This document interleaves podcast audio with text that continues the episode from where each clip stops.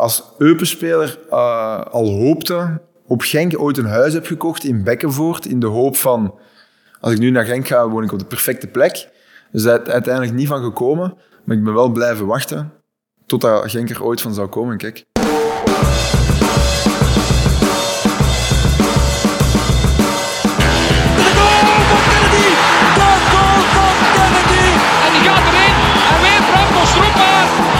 Met een chip en een mooie goal.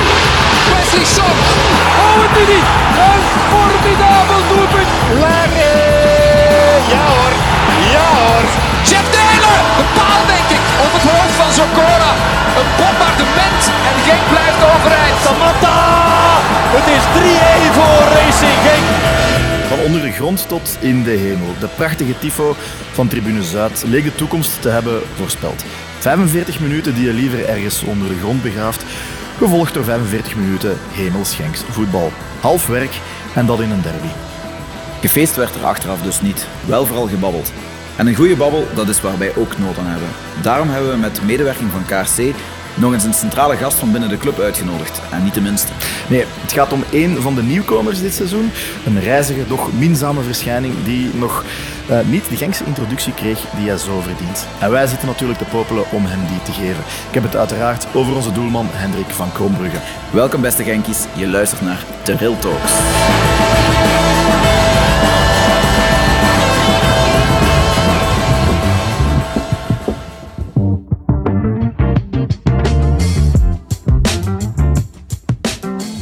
Voilà, en eh, de luisteraars die goed opletten hebben gehoord dat uh, Lau vervangen is door eh, Wim. Want Laurens zit te chillen in Kreta. Maar Ja. Wim, jij was zo flexibel om, om in de bres te springen voor hem. Kijk, als we een interview kunnen doen met een speler van KRC, dan, dan doen we dat zeker graag. En eigenlijk is dat sowieso Dan geen hebben we daar dus die kritiek van dat je nooit een gast moet interviewen, mag helemaal begraven worden. begraven worden. Voilà. Hendrik, welkom bij The Real Talks. Ja, dank jullie wel. Eh, fijn dat je erbij bent. Op uw vrije dag eh, tot hier gekomen. We zitten ook in de polyvalente ruimte, zal, zal, zal ik zeggen, van mijn werk, eh Static. Als je ooit een website nodig hebt voor jezelf of voor je werk, static.be. Static schrijf je met een K. Laat me van u horen. Al dat terzijde. ehm, het is niet uw eerste podcast, hè, Hendrik? Nee, dat klopt. Ik heb er wel al een paar gedaan. Ik denk de meest recente was nu Radio Razinski. Op het einde van het eh, turbulente vorige seizoen, laatste seizoen, eh met Anderlecht. Eh was ook een leuke podcast. Dat was met Erran Demirci, zeker? Ja, hè? onder andere, die was erbij. Leuke podcast, omdat het ook een... er zitten wel wat parallellen met jullie podcast in, vind ik. Kritische blik op, op, op de club, maar zeker niet altijd vallend in de negativiteit of zo. Dus gewoon een gezonde kritische blik moet kunnen en ook gewoon alle vragen gewoon stellen en beantwoorden. Maar ja, zo proberen we toch te zijn. Dus eh, fijn dat we daar toch mee vergeleken worden. Want semi-professionele, die zijn van Brus.be. hè. Dat klopt, hè. Wij zijn eh, volslagen am- am- amateurs, maar goed, we doen het, we doen het toch maar. Ehm, ja, ik heb het er juist gezegd, eh Erhan Dimirci heeft u toegevoegd, allee, heeft, heeft, heeft u meegenomen naar die podcast. Hoe zet je met hem vrienden geworden? Want dat vond ik wel iets speciaals. Goh, ja, vrienden, dat is, we zitten nog... we lachen daarbij om, omdat veel mensen denken dat we nu echt eh, beste vrienden zijn, omdat we samen een keer een, een kebab zijn gaan eten na een wedstrijd eh, van Anderlecht. Ik denk dat na Anderlecht West Ham is geweest, denk ik, in Conference League, als ik me niet vergis. Eh, en dat is dan ook in de krant verschenen en dat was dan even wat om te doen, omdat van wauw, een speler gaat na de wedstrijd tussen de supporters iets eten, terwijl ik vind dat dat eigenlijk de meest normale zaak van de wereld zou moeten Ja. zijn, dat je als speler na de wedstrijd verbroedert tussen de supporters. eh, en, en dat moet ook kunnen na een negatief resultaat, vind ik, omdat dan zitten de mensen met de meeste vragen. Hè. De- Ja. Een goed nieuws show brengen, dat is voor iedereen gemakkelijk. Maar het is vooral als het iets minder gegaan is, dat mensen moeten beantwoord worden eh, op hun vragen. En, eh, kent, kent mijn vader via een gemeenschappelijke kennis. Omdat mijn vader geeft les in Brussel. En op een paar steenworpen van waar dat Erhan woont. En Erhan is daar een paar keer een, een comedy show gaan doen. En ehm, zo zijn we met elkaar in, in, in contact gekomen. Erhan is een zware Anderlecht supporter. Wel een Limburger natuurlijk. Ja, jammer. Dat is een verloren zoon, hè. Ja, kan, hij, kan hij ook niet verstoppen dat het toch nog altijd een Limburger is. En eh, ja, de bedoeling is ook wel dat hij een van deze, zeker op uitnodiging, een keer eh, wedstrijd eh, in de CGK-arena gaat komen volgen. Ja. Zet je in Genk al eens een kebab gaan eten na de wedstrijd? Eh, nee, nog niet. Dat is eigenlijk hetgeen wat op, op plaats 1 staat op de lijst te doen met, met Eran. Ja, Genk is toch wel het kebab capital. Allee, als ik het als Leuvenaar al zeg, De, Het is, het, is, het is iets waar dat de expats eh, van Limburg, Limburgse expats, laat ik het maar, eh, altijd over hebben. Hè. Dat de kebab nergens zo goed is als eh, bij, ons, eh, bij ons in Limburg. Dus Ja. ik- dat, gaat, eh, dat gaat je niet berouwen, denk ik. Nee. Ja, als ik je al één aanrader mag, mag geven, we hebben, we hebben Adana Dem- Demirspor al opgepeuzeld, maar er bestaat ook zoiets als een Adana kebab. En er is een nieuwe zaak op Stalenstraat, die heet Hachi Bay, en dat is super lekker. Dus eh, smaakt nog beter dan eh u kwalificeren voor de Conference League. Dus ja, voilà, bij deze Eran, als je aan het luisteren bent, of ik toch verwacht, eh, dan gaan we daar naartoe. Hachi Bay gaan. Ik word daar niet door gesponsord, maar, eh, eh, maar goed. ehm, gaan we het eens over de, over, de, over de derby hebben. Yes. We gaan beginnen met de supporter Wim. Hoe, eh, hoe was dat voor u? Het was een rollercoaster. Hè? Ehm, ehm, voor te beginnen was, het, was, was de start heel erg goed. Hè? Ik bedoel, de, eh, daar bedoel ik mee alles voor de wedstrijd. Eh, de Corteo was ik zelf niet bij, want ik was zelf voetballen. Eh, maar eh, ik heb gehoord dat, die, dat, dat er ook een kleine duizend man aanwezig waren. Dus dat was zeker geslaagd. Nou, er komt steeds meer en meer man heen. Hè, naar die ja, en ik, ik, ik zei het vandaag nog tegen een ehm, collega van mij die met zijn zoontje naar daar was geweest. Hij had mij filmpjes en foto's laten zien. Ehm, dat het niet zo een, een grimmige Corteo is. Zo lijkt dat het misschien in de beginjaren eh, wel meer was. Hè, meer echt iets voor de harde kern. Dit is echt heel toegankelijk voor, voor, voor, voor gezinnen ook. Hè. Dus je ziet ook heel veel kinderen eh, bij. Dus dat moet kunnen ook, vind ik. Dat, dat is ook hetgene waar Genk voor staat. Ehm, en ja, het maakte wel indruk, moet ik zeggen. En ook eh, de eerste foto's kwamen binnen van die witte muur achter de goal. Ehm, dat, vond ik, eh, dat vond ik wel vrij indrukwekkend en een, en een hele mooie tifo. Ja. Eh, zoals speler moet dat toch ook wel wat doen als je zo'n witte muur ziet. Ja, absoluut. Eh, we hadden het erover. eh, al bij de doelmannen gaan altijd iets vroeger naar buiten dan, dan de rest van de spelers. Mijn eerste indruk was van, oh, dat is precies eh Bernabeu. Omdat in Real Madrid heb je ook altijd die, die witte muur achter, eh Ja. achter doen. Natuurlijk nog iets meer volk dan, Ja. dan in de CGK-arena. En ook op de bank eh, zat ik naast, naast Patje. En Patje zei, zei het ook direct van, doen we toen ook denken aan, aan Real Madrid. Het heeft wel iets, vind ik, als er... één, gewoon één gezamenlijke kleur gedragen wordt. Ik heb het ook al gehad met Europese wedstrijden. Met Anderlecht dan, dat wij uitspeelden in Boekarest of uit in Young Boys Bern. En, en dat was een hele muur van eh, mensen allemaal in het zwart en zo. En dat, het, het straalt wel iets, iets uit, een bepaalde eenheid. En, en, en dat moet zeker ook indruk maken op, eh, op je tegenstander. ik. Ik Het voelde heeft ons nog niet veel gel- geluk gebracht tot nu toe. Nee, dat klopt wel niet. ik, vind, ik vind wel, het, eh, het, eh, het, het, het, het voelt ook wel, als je in het vak staat, het voelt ook wel, er is meer verbondenheid inderdaad door, de, door dat dragen van de wit. Dus ik vind dat op zich wel een geslaagde actie. Ja. Eh, maar ja, dan ging het heel snel bergaf eigenlijk. Hè. Eh, eigenlijk van, eh, van minuut één kregen we geen voet aan de grond tegen een heel sterk, sterk Sint-Truiden. Ik vond dat ze heel goed stonden. Eh, wij losten de zaken misschien niet goed op, maar eh, ik denk dat zij ook gewoon heel sterk stonden. Ehm, we vonden geen oplossingen. Onze verdediging stond een klein beetje te laag. En dan ja, die, die, die fatale zes minuten. Hè. Het stond, eh eer dat we een aantal keer met ons ogen hebben konden, konden knipperen, stond, dan stonden we 0-3 achter. Dus eh verbijstering was heel erg groot. Eh, een aantal mensen die, die, die, die naar huis wouden gaan, hè, Theo. Geen commentaar. Jawel, nee, ja, ik, heb, eh, ik beken, ik heb het eh, bekeken, voor, voor bekeken gehouden. Ik was, eh, na de 0-1 was ik bier gaan halen. En dan zie ik die, die 0-2 binnenvliegen en die 0-3. Ik had een hele zware week achter de rug en ik had iets van, ja, nee, bekijk het maar. En dat is de eerste keer in 25 jaar dat ik dat heb gedaan. En dan kom ik thuis, dan zie ik de 1-3 en dan begin ik mijn eigen te haten. En dan heb ik gewoon niet meer gekeken. Ik zeg van, ik hoop dat ze mijn ongelijk bewijzen. En maar hoe dan ook, ik heb verloren.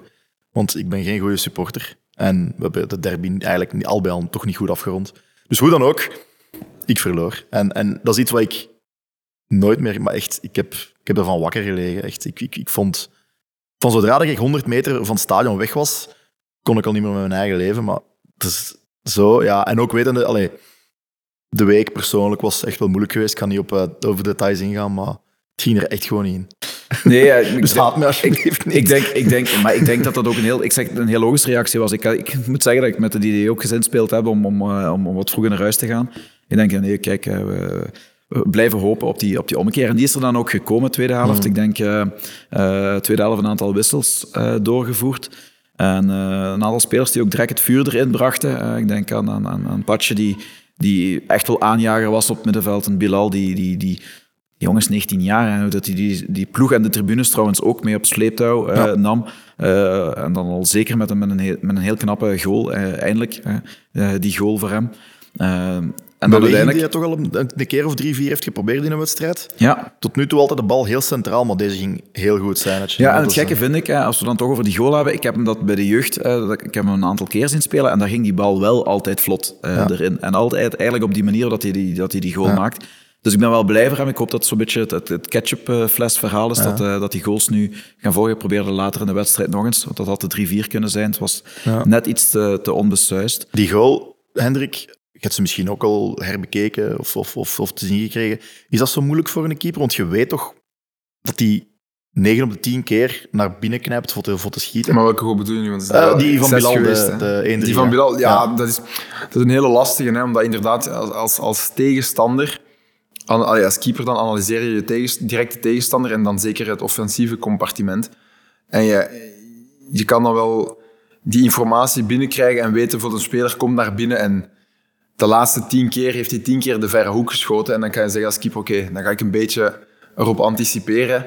Maar als hij juist dan die elfde bal tegen jou in die korte hoek binnenschiet, dan, dan gaat iedereen zeggen, ah, het cliché van de keeper, hij is een korte hoek, dan is zijn verantwoordelijkheid. Dus gezegd, ja, ja. dat is een moeilijke, weet je. ehm, maar sowieso, als je, hem, als je hem zo binnenschiet als Bilal, ook al heb je geanticipeerd, die is gewoon onhoudbaar. Hmm. En dat is een van de moeilijkste ballen om überhaupt te pakken, omdat als keeper ook in beweging zit, in die beweging mee. En op een bepaald moment moet je wel stoppen om een reactie te kunnen hebben.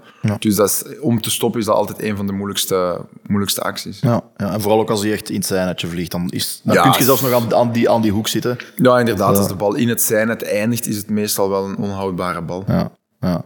Oké, Wim, we gaan verder met het eh helaas van de niet mentaal instabiele supporter. Ehm, nee, ik zeg het, en, en, eh, opeens, eh, want we moeten niet vergeten, de eerste helft heeft, eh, de start van de eerste helft heeft Sint- heeft Sint-Truiden nog twee kansen gehad, waar we eigenlijk, waar Maarten goed redt, denk ik, en, en Joris Kruijnbee nog een, nog een goede ingreep doet. Die waren alle twee brood nodig, maar vanaf dan hebben we het eigenlijk overgepakt. die goal van Bilal bracht een beetje schwung erin. En, en dan valt de knappe eh 2-3 eh, van Tolu. Ja. Knappe controle. gelukkig hele goede voorzet ook. hè. Zo'n vroege banaanvoorzet van, kwam hij van Pencil? Pencil of moet het schuldig van links blijven. of, of Arteaga? Ja, ik moet het schuldig blijven. Ik denk, Ik denk dat. Peensel gaat zijn. Pencil toch geweest? Ik denk ja. het wel. Omdat het in, een, een indraaiende bal was Ja. en Arteaga is linksvoetig, dus van die kant zou het een uitdraaiende geweest zijn. Tenzij dat Gerra plots een rechtse voet gevonden heeft. eh, maar ik denk dat Joske gaat geweest zijn. Toch? Ja, het kan. ja, ik ga, er, ik ga er niet mee. Ik heb, de, ik heb die avond zelf nog de tweede helft herbekeken om, om, om, om mijn ziel te zuiveren. Ehm, maar ik kan het me niet meer herinneren. nee. Ik, weet, ik, weet, ik weet wel dat, dat het een hele lange varfase was. Ja. Dat moet toch verschrikkelijk zijn geweest in het stadion. Ja, eh, maar we hadden eigenlijk eh, van op de tribune eigenlijk direct door dat het geen buitenspel was. We hebben, eh, Het was ons- nipt, hè. Het was echt... Het was, het was, het was maar we hebben bij ons iemand zitten die, eh eh Raf Belois heeft in, in eerste klasse gefloten. Dus Raf was geluisterd.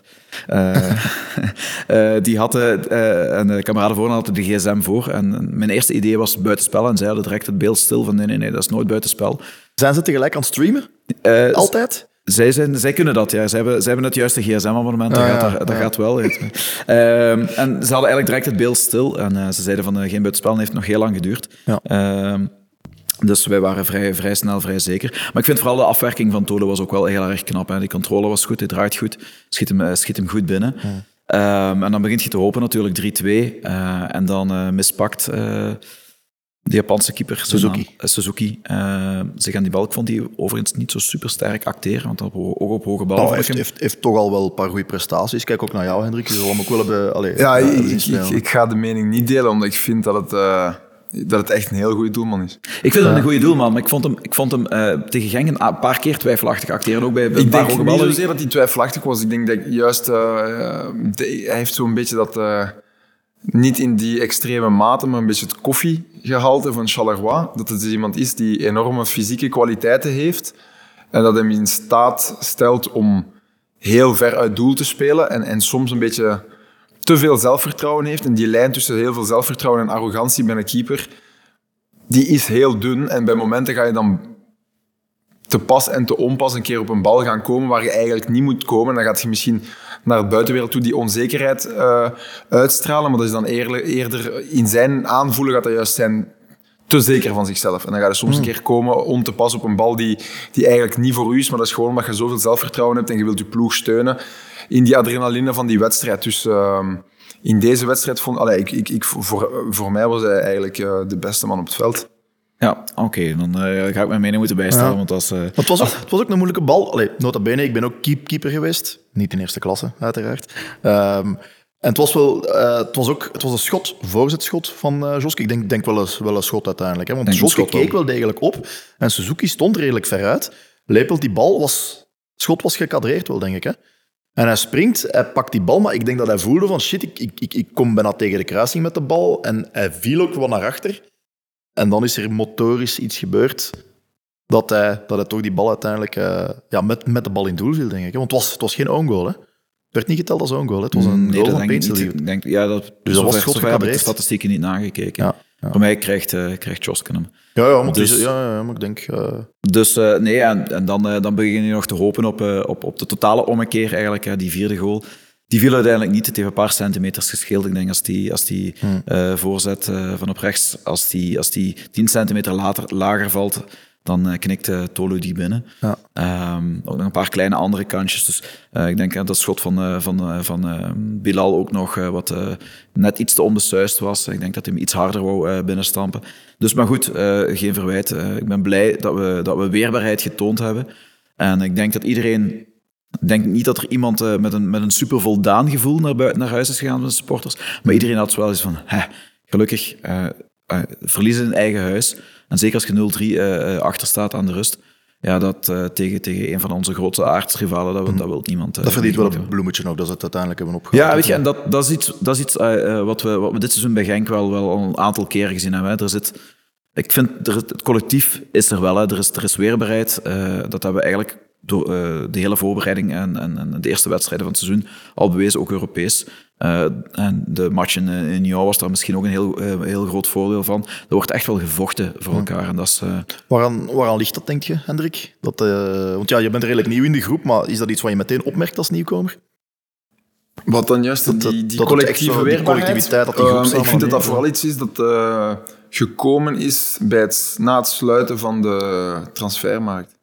Ehm, omdat vorig seizoen op een haar na mis je het, eh, eh, het kampioenschap. Ik wil geen zout in de wonden doen of, of, nachtmerries terug, eh, terugbrengen. Maar heel veel jongens hebben een topseizoen gedraaid. En ik denk dat er heel veel zullen verwacht hebben van oké, na dit topseizoen gaan we een stap hoger op kunnen zetten. En dan zie, zien die jongens ook die leegloop bij Union, waar heel veel jongens goede transfers eh, maken naar grote competities. En velen zullen gedacht hebben, waarom blijft hij bij mij uit? Een beetje zittend op twee gedachten. Ik denk dat dat wel een element gaat geweest zijn, waardoor dat er wel wat punten zijn verloren gegaan in het begin van de competitie, sowieso. Ehm, en ja, ik, ik heb dat dan ook wel voor mezelf zo ergens gezegd van, ik ben me dan 100% zeker vanaf het moment dat die transferperiode dicht gaat, dan gaat hier ergens een ommekeer komen, een klik komen in die spelersgroep van oké, ik ben hier niet weggeraakt. Ik moet gewoon een tweede jaar alles geven en weer uh, het niveau van voorseizoen halen. En dan komt die volgende stap wel. En ik denk uh, dat dat die 10, 15 procent verschil maakt in een wedstrijd. Om, om dan bijvoorbeeld uh, tegen Union, waar het ook niet geen schoonheidsprijs was, maar zo'n wedstrijden moet je ook kunnen winnen. En dan dat je dan bij 0-3 achterstand thuis in een derby tegen Sint-Truiden toch nog kan terugkomen tot tot 3-3. Ja, maar vind je het ook niet straf dat ze, ze krijgen hun, hun, transfer niet, hun gedroomde transfer niet, of die komt er gewoon die, die, die kans is er niet, dat ze toch zich kunnen opladen in plaats van het kopje laten, laten hangen en zich een beetje in zelfmedelijden gaan uh, wikkelen. Is dat het niet? Getuigt dat niet van, van, van, van een sterke mentale basis dat je, dat je zegt van oké, ik draai de knop om en ik ga er opnieuw een jaar of een half jaar tegenaan. Dus dat... Maar ja, veel andere keus heb je niet. Hè? Want als je dan, zoals je zegt, uh, dat is, en, en, en pas op, begrijp me niet verkeerd, dat is zeker geen evidentie om die knop om te draaien. Voilà, is Sommige jongens zeggen, heeft dat veel ja. meer tijd nodig. Um, maar ja, als je, als, je, als je de knop niet omdraait, dan ben je sowieso verliezer. Omdat, ja, één, je hoopt op een transfer. Ja, als die er niet komt, ja, dan komt die er niet. Ja, ik zou zeggen, ja, deal with it. Hè. Dan moet je mee leren omgaan. Zo, dat is de voetbalwereld nu eenmaal.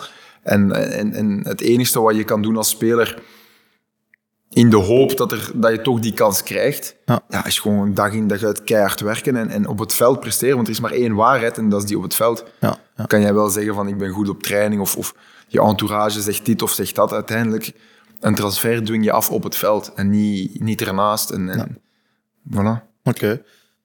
Ja, ik, ik wou ook vragen, want uh, je zit nu uh, een van de spelers die aan de twee kanten gezet hebben. Want uh, een van de vragen die, die, die direct kwamen van, hebben de spelers dan niet door, onder de rust gezegd, hebben de spelers dan niet door hoe belangrijk die wedstrijd tegen Sint-Truiden voor ons is?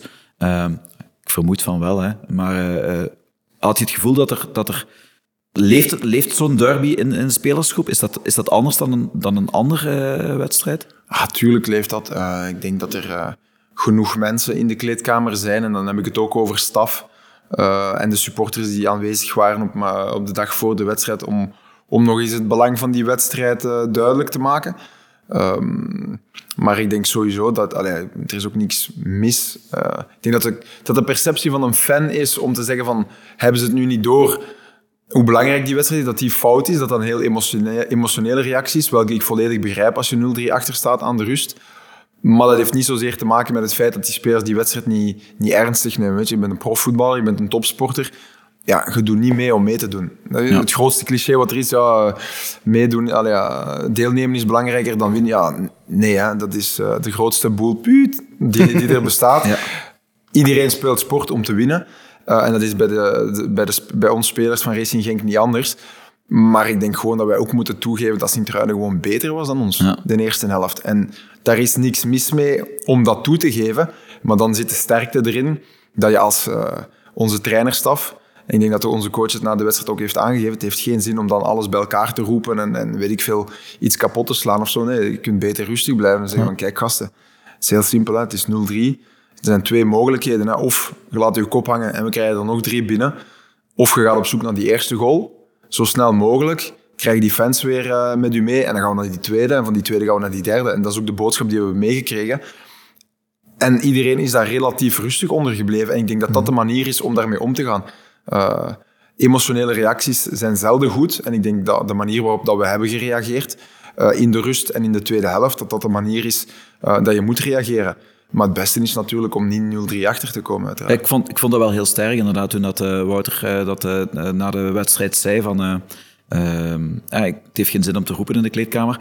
Ik had gedacht dat het daar ging stuiven in de kleedkamer. Ik, ik denk, ja. dat, ik denk dat 9 van de 10 trainers trouwens daar ook een tirade zouden, zouden hebben afgestoken. Ik vind dat wel sterk. En zeker, zeker als je dan achteraf ziet dat dat, dat, dat werkt, dat ja, denk ik dat toch vrij uniek is in, in de voetbalwereld.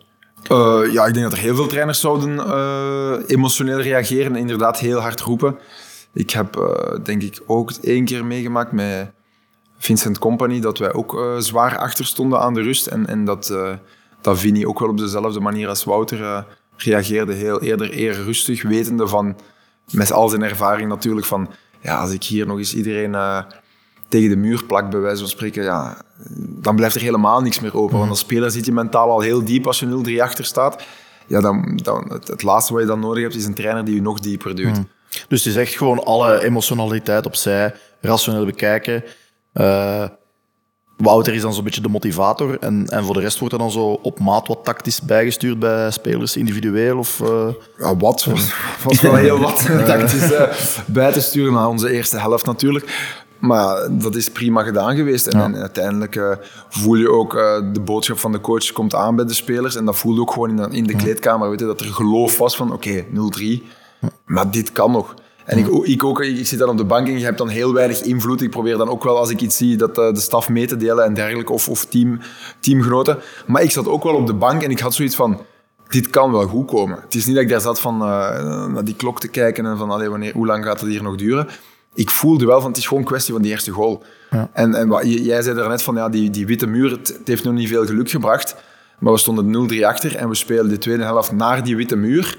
Ik kan u zeggen, als, als, als tegenstander, als je die witte muur achter u voelt, ja, dan maakt u wel 10, 15 procent minder, minder sterk. Is dat, is dat echt, allee, meent je dat echt? 100 procent? Ja, ja. Want soms, als supporter, dat, wij zijn... In principe zijn we machteloos, hè? Dat denken wij. Nee, en, de, en, en, en, en, en de, de, de grootste cynicus zou eh, onder de supporters zou zeggen: het maakt toch niet uit of ik hier sta te zingen of niet.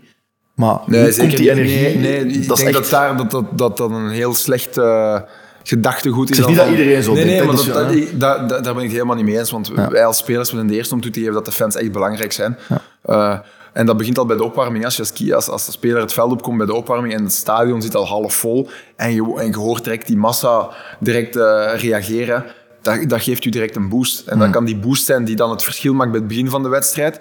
Of dat kan die boost zijn die de tegenstander net een beetje intimideert, al is het een paar procenten. Hè, maar Ja. het zijn de details die het verschil maken. En, en, en wat in Genk heel, eh, heel goed is, is dat je, dat je als je die, je hebt die, die goal die valt, je hebt dan die, die vuurkokers eh, die eh, in gang schieten. En daarna heb je nog die zware, zware muziek die er achteraf bij komt. Dat zijn echt... Dat is een opeenvolging van kleine zaken. En ook zeker, je had het daarnet over die VAR-situatie, dat duurde zo lang. En dan is die stadionomroeper of, of, of die aan de knoppen zit zo slim om nadat de VAR het doelpunt toch goedkeurt, om die muziek dan nog eens op te zetten. En dat is het beste wat je kan doen. Want iedereen, je scoort, je hebt die muziek, je hebt dat vuur, iedereen is in euforie en dan zijn er vijf minuten aan het wachten. Ja. En dan moet je ineens verder gaan. Maar je staat 2-3 achter, en, eh, één, eh, op dat moment 2-3 achter en je moet naar die derde. Dan is die slim en die zet die muziek op. Dan heb je toch weer extra die adrenaline boost en dat stuurt je dan naar voren. Echt waar, ik echt. Dat zijn hele goede Dat was echt heel ja. psychologisch. Dus stadionomroeper, eh, super goed. Ja, absoluut. Heel goed gedaan, Heel man. cool. Heel goed Eh, nu we het toch over sfeer hebben. ehm, ja, de spelersbus komt aan, wordt ontvangen, heel veel rook en dergelijke. Wij kunnen natuurlijk niet binnenkijken in de spelersbus. Soms zien we het sporadisch filmpje. Hoe wordt daarop gereageerd? Is, is, is iedereen psyched en, en, en, en vervoelt je en begint je elkaar dan al aan te moedigen?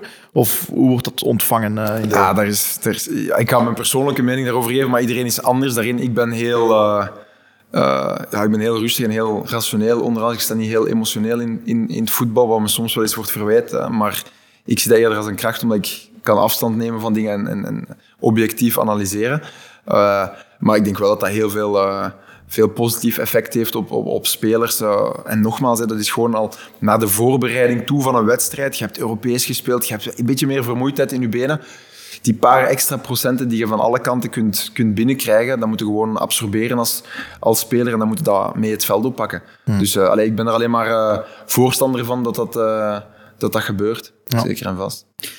Je hebt nu het langs twee kanten, want jij bent ook ex-speler van Sint-Truiden natuurlijk. Hè. Eh, eh, onze coach eh, ook. En ik weet niet of er nog veel de- in het lijstje hebben die daar vo- vooraf zijn gegaan. Ehm, maar je hebt dus wel de, de derby langs twee kanten beleefd. Is dat, is dat een groot... Is er een verschil in, in, in beleving bij Sint-Truiden of bij, bij Genk? Ehm, ik heb zelfs mijn debuut in profvoetbal gemaakt in de Limburgse derby. Jij wou- Ah, jij, serieus? jij wou geen zout in de wonden strooien van ons, we gaan het ook niet bij u doen. Dat was, ja, Wim, dat was toen 2008 of, of nee, Eh, het gaat 12 jaar 11 geleden of zijn. ja, Elf, zoiets, 2011. 11. Dat was nog met, met, met, met Teuger, Buffel eh, en Mario en Been. dergelijke. Eerste wedstrijd van Mario Been. En bij Sint-Truiden was de eerste wedstrijd van Frankie van der Elst. Ja, Guido klopt. Repels was net ontslagen. Ja. Ehm, en wij verliezen met Sint-Truiden toen 3-4. En dat was de laatste minuut.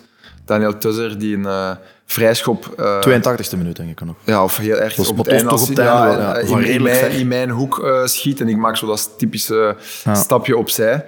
Ehm, jij dus bij mij is dat geen hele leuke herinnering, maar eh, ik heb Ja. toen ook wel tegen mij gezegd, daarna kan het alleen maar beter, beter Ja, maar gaan. jij, het was ook zo'n beetje het, het Thibaut Courtois verhaal. Hè. Mark Volders was geblesseerd en Bram Castro, Castro, ja. waren allebei geblesseerd. Jij wordt ja. 18, Ja. wordt daar voor de leeuwen gegooid in een Limburgse derby. Ja, klopt. Eh, en dan inderdaad bij die, die eerste goal, denk ik, is voorzet van Thomas Buffel. Ja. Mm. Je, grijpt er nog naar, maar verkeerd getimed of zo. Denk, denk, dacht je op dat moment van holy fuck. Hier Ja, op dat moment was ik daar gewoon niet klaar voor. Nee, dat is begrijpelijk ook. Maar dat geef ik gewoon toe. Je hebt de jongens die daar wel klaar voor zijn op die leeftijd. Ik was daar niet klaar voor. Eh, Maar toch heeft je na die wedstrijd een supervolwassen interview van een knaap van 18 jaar. Ja, maar nogmaals, ja, ja, ik denk dat het dan deels met mijn opvoeding te maken heeft. Eh, ik heb heel, heel nuchtere ouders. Ik ben heel streng opgevoed, vooral van, eh, door mijn vader dan. Maar we hebben de juiste waarden en eh, normen meegekregen. En ja, ik, ik, heb, ik heb nooit echt bang gehad om voor de camera uitleg te geven. En ik denk dat ik dat het laatste jaar bij Anderlecht eh, alleen maar heb gedaan. En dan vooral in slechte momenten. En dat is ook gewoon iets waar ik me niet voor ga, ga verstoppen. En zeker als, je, als het minder gaat en je hebt zelf een mindere prestatie gedaan, dat is voor in mijn ogen een reden te meer om zelf het woord te nemen. Want anders gaan andere mensen daar enorm veel versies eh, over schrijven. En dan kun je beter zelf het woord nemen en je persoonlijke versie daarover geven. En dat is dan de enige juiste versie. Hm. Hoe, hoe was het destijds? Je hebt maar eigenlijk maar één derby daar echt meegemaakt. Uh, maar de aanloop daarnaar, worden er bij Sint-Truiden andere... Allee, uiteindelijk een derby is een derby, maar is het discours bij Sint-Truiden anders dan dat dat bij, bij ons was? Ja, het is toch zo een klein beetje, vind ik toch het meer, uh, als je bij Sint-Truiden zit, het David, David Goliath-verhaal. omdat Genk is dan toch altijd de te kloppen club, omdat Genk toch wel uh, ruimschoots succesvoller is geweest uh, dan Sint-Truiden. Dus het is, ik denk dat, dat het in Sint-Truiden nog meer uh, leeft. laat ons proberen de grotere broer hmm. uit Limburg te verslaan. Um, en ik denk dat ze bij, bij, bij, ja, bij Sint-Truiden dat het misschien nog iets meer de match van het jaar is dan, dan, dan voor Genk. Ja. Ook gewoon in het algemeen, oké, okay, nu is het laatste jaar het pak minder, maar bij Sint-Truiden gewoon nog meer Belgen. Uh, vroeger ook meer jeugdspelers, uh, uit, lokale spelers. Dan leeft het automatisch wat meer, denk ik. Ik denk dat Genk al een iets, zeker de laatste jaren, een iets internationalere spelerskern heeft. en ik denk dat het dan soms iets minder leeft. Maar nogmaals, ik bedoel, de belangrijkheid van die wedstrijd is genoeg aangestipt geweest door alles en iedereen. En jongens die hier al vier jaar zitten, ik denk dat de meeste buitenlanders in de kern ook al lang genoeg in Genk zitten om het belang van die wedstrijd te beseffen. Ja. ja, het is logisch. Hè, uh, wij spelen de, een paar dagen daarvoor tegen Fiorentina. ja, voor Sint-Truiden zijn dit de matchen, de, de, de matchen van het jaar. Hè. maar goed, voor ons supporter inderdaad ook nog altijd leuk. Dus dat.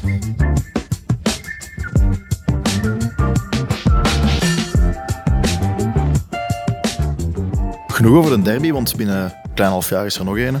Kunnen we er daar nog eens een keer uh, een lap op geven? Um, Hendrik, ja, je bent bij Genk gekomen. Um, je leek je zinnen gezet te hebben op Genk van zodra dat er interesse was of van zodra dat ze zeiden van Genk heeft interesse. Hoe is dat juist gegaan? Want vanuit de interviews leiden wij af dat je, ik ga een beetje kort door de bocht, alleen naar Genk wou. Ja, dat is een beetje kort door de bocht, maar vat eigenlijk alles wel uh, goed samen. Uh, ik heb altijd enorm veel uh, sympathie gehad voor uh, de club Racing Genk. Dat was al als speler van, van Eupen dat ik graag gewoon op Genk speelde, tegen Genk speelde. Sympathieke mensen, altijd goed ontvangen geweest. En, en Niet te ver rijden als Eupen speler. Dat ook een hele korte verplaatsing. dat is ook altijd ja. een belangrijke. Maar ook gewoon ehm, ja, in de jeugdopleiding gewoon altijd graag tegen gespeeld. Straalt positiviteit uit, stabiliteit, wat voor mij belangrijke factoren zijn. En ehm, ja, ik, ik, was al één keer in mijn carrière dicht bij Genk als Eupen-speler. En dan uiteindelijk werd er gekozen voor Danny Vukovic. Um, ja.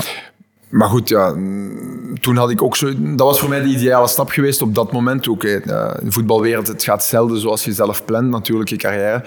Uh, maar van, van, van zodra eigenlijk die eerste contacten met Genk er waren, heb ik ook gewoon wel tegen mijn makelaar gezegd van kijk, als Genk een mogelijkheid is, dan, dan, dan gaan we daar all in voor omdat dat ook gewoon... Uh, uh, niet alleen sportief, maar ook extra sportief, dat daar eigenlijk gewoon uh, bijna alles op zijn, alle puzzelstukjes mm. op zijn plaats vielen. En, en, die eerste contacten die, die, die waren er al in, in, in januari, toen ik aan de kant was, ben geschoven in, in Anderlecht.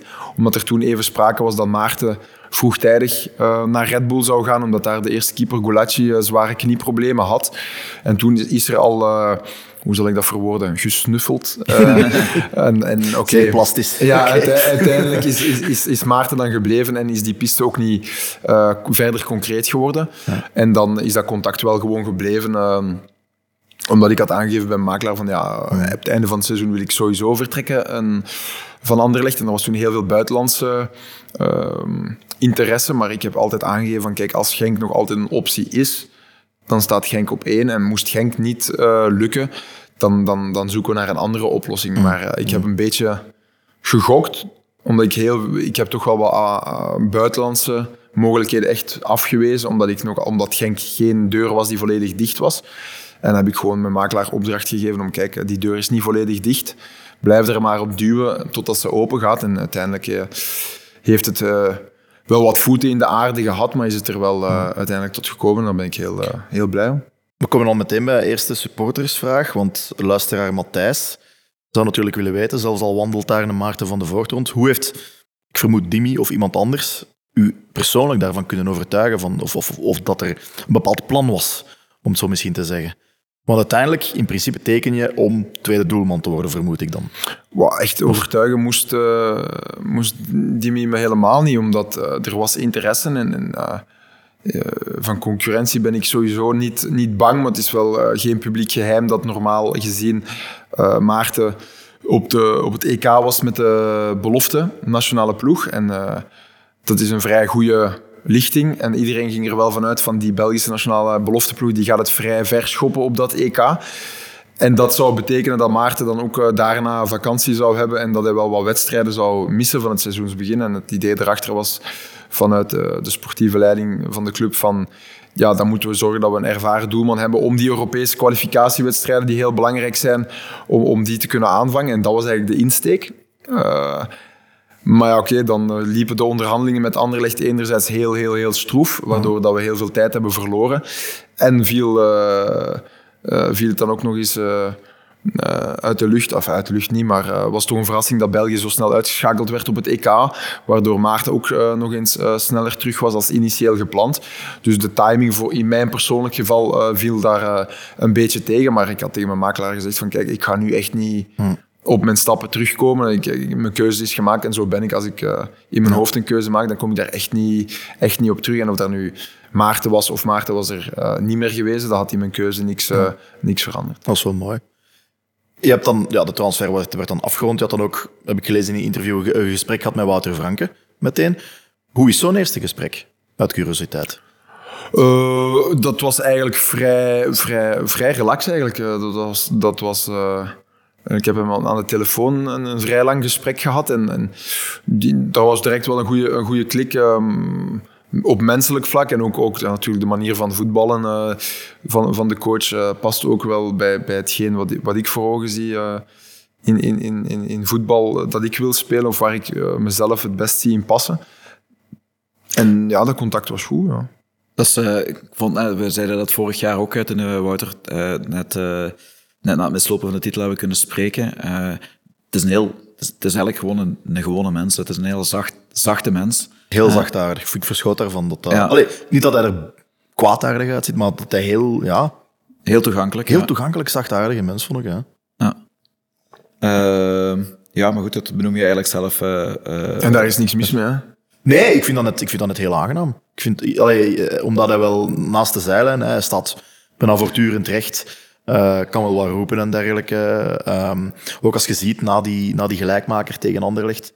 Uh, ik weet niet of dat je zet mee gaan vieren toen in de hoek nu? Nee, nogmaals, ik ben niet zo super emotioneel in, in, het voetbal. Ik ben ja. al meestal ook als speler zelf uh, in de wedstrijd als dat gebeurt, dan ben ik al direct aan het denken van oké, okay, als hier we scoren hier de gelijkmaker, maar subiet moeten die mannen terug de bal aftrappen, dus we moeten zorgen dat we goed georganiseerd ja, staan ja, en zo. Voilà. Dit en dat, maar in, dus ook ik denk dat je wilt aangeven dat, dat de coach daar een enorme sprint uh, trok. Ja, dat toont alleen maar aan hoe, hoe dat de coach uh, die wedstrijden beleeft en hoe dat hij daar uh, 200% alles in geeft. De passie spatten eraf. Ja, en ook als speler was hij een smeerlapje, maar dan toch als de supporters bij hem komen zitten, mm. is hij echt ja, de, de, een knuffelbare onkel zou ik het noemen.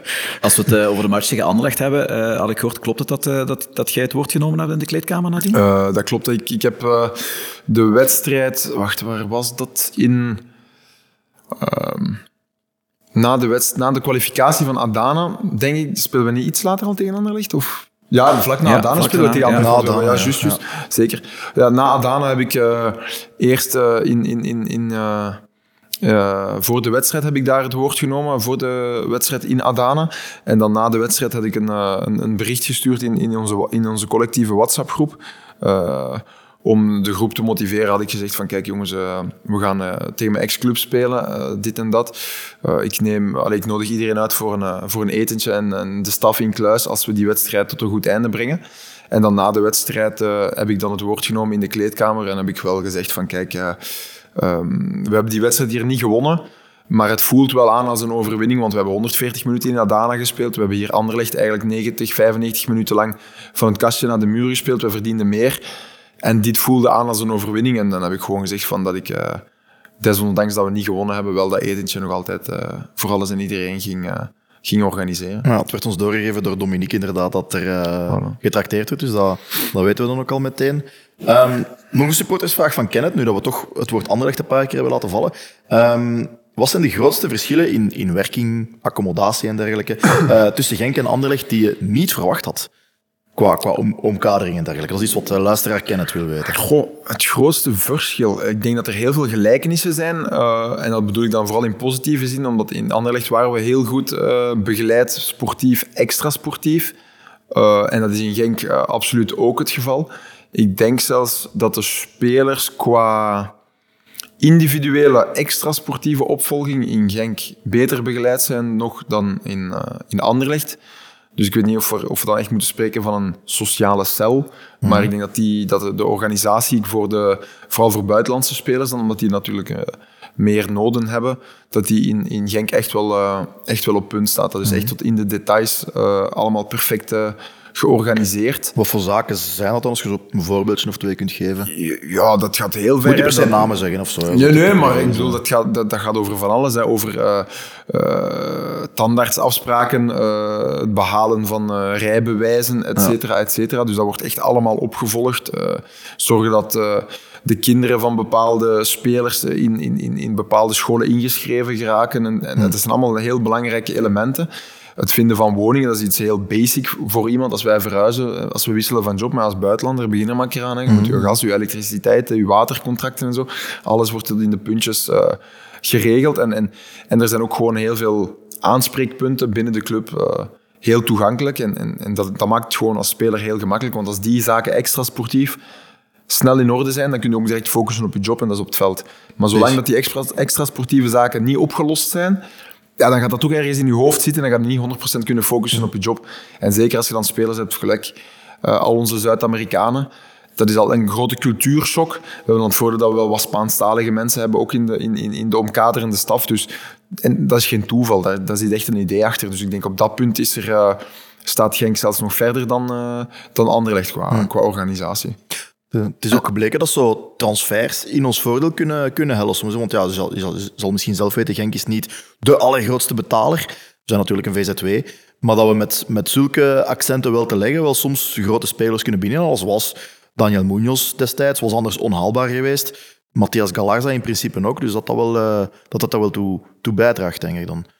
En zo dat, uh, dat verschil merk je, het wordt altijd gezegd, Genk is een familiale club. Is dat ook iets wat, wat, wat terugkomt, wat, wat dit verschil dat je merkt bij, bij Anderlecht? Um, ja, voor, voor, vooral qua uh, dan, dan de, de beleving op wedstrijddag. Gewoon al letterlijk het publiek. zijn gewoon veel meer families en veel meer uh, kinderen. Dat is natuurlijk iets waar Genk enorm op, uh, op inzet. En, en als je dan gewoon al kijkt naar de aanwezigheid van de hoeveelheid kinderen en, en, en gezinnen, ja, dat, dat, dat, toont dan wel aan dat uh, het feit dat ze daarop inzet, dat, het, uh, dat dat wel werkt. En ik denk ook dat dat is iets voor als je... Genk is nog een heel, heel jonge club. Uh, als ik 35 jaar, ja, 1988 is ja. het ja, geboortejaar van mijn oudste broer, dus dat mag niet. En dat was de tifo. En, de tifo dus, en dat was de tifo. Dus ja. weet je, je hebt nog niet zo die, die heel uitgebreide generatie lange uh, fanbase. Omdat ja, dus eigenlijk de, de, dat is één generatie, misschien een tweede generatie die nu begonnen is. Dus dan is het ook wel logisch. En dan is dan misschien uh, iets commercieel in mijn hoofd dat dat zegt. Dan is het wel vrij logisch dat je, dat je daar moet op inzetten, op, op, op kinderen en zo. Want ja, op de langere termijn, als je een, een bredere fanbase wilt creëren, ja, dan moet je dan met de paplepel wel binnenkrijgen. En, en uh, mijn, uh, mijn familie bijvoorbeeld, en dan heb ik niet zozeer over mijn gezin, maar ook mijn broers, mijn zussen, uh, et cetera. Ja, ik denk dat die, die zijn al zoveel wedstrijden komen kijken van Genk, ook al speel ik niet. Ja, dat, zou, dat hebben ze bij Anderlecht veel minder gedaan, omdat het gewoon zo toegankelijk is. Dat is wel tof dat ze, dat ze komen kijken, dus hmm. chapeau aan, u, aan uw familie.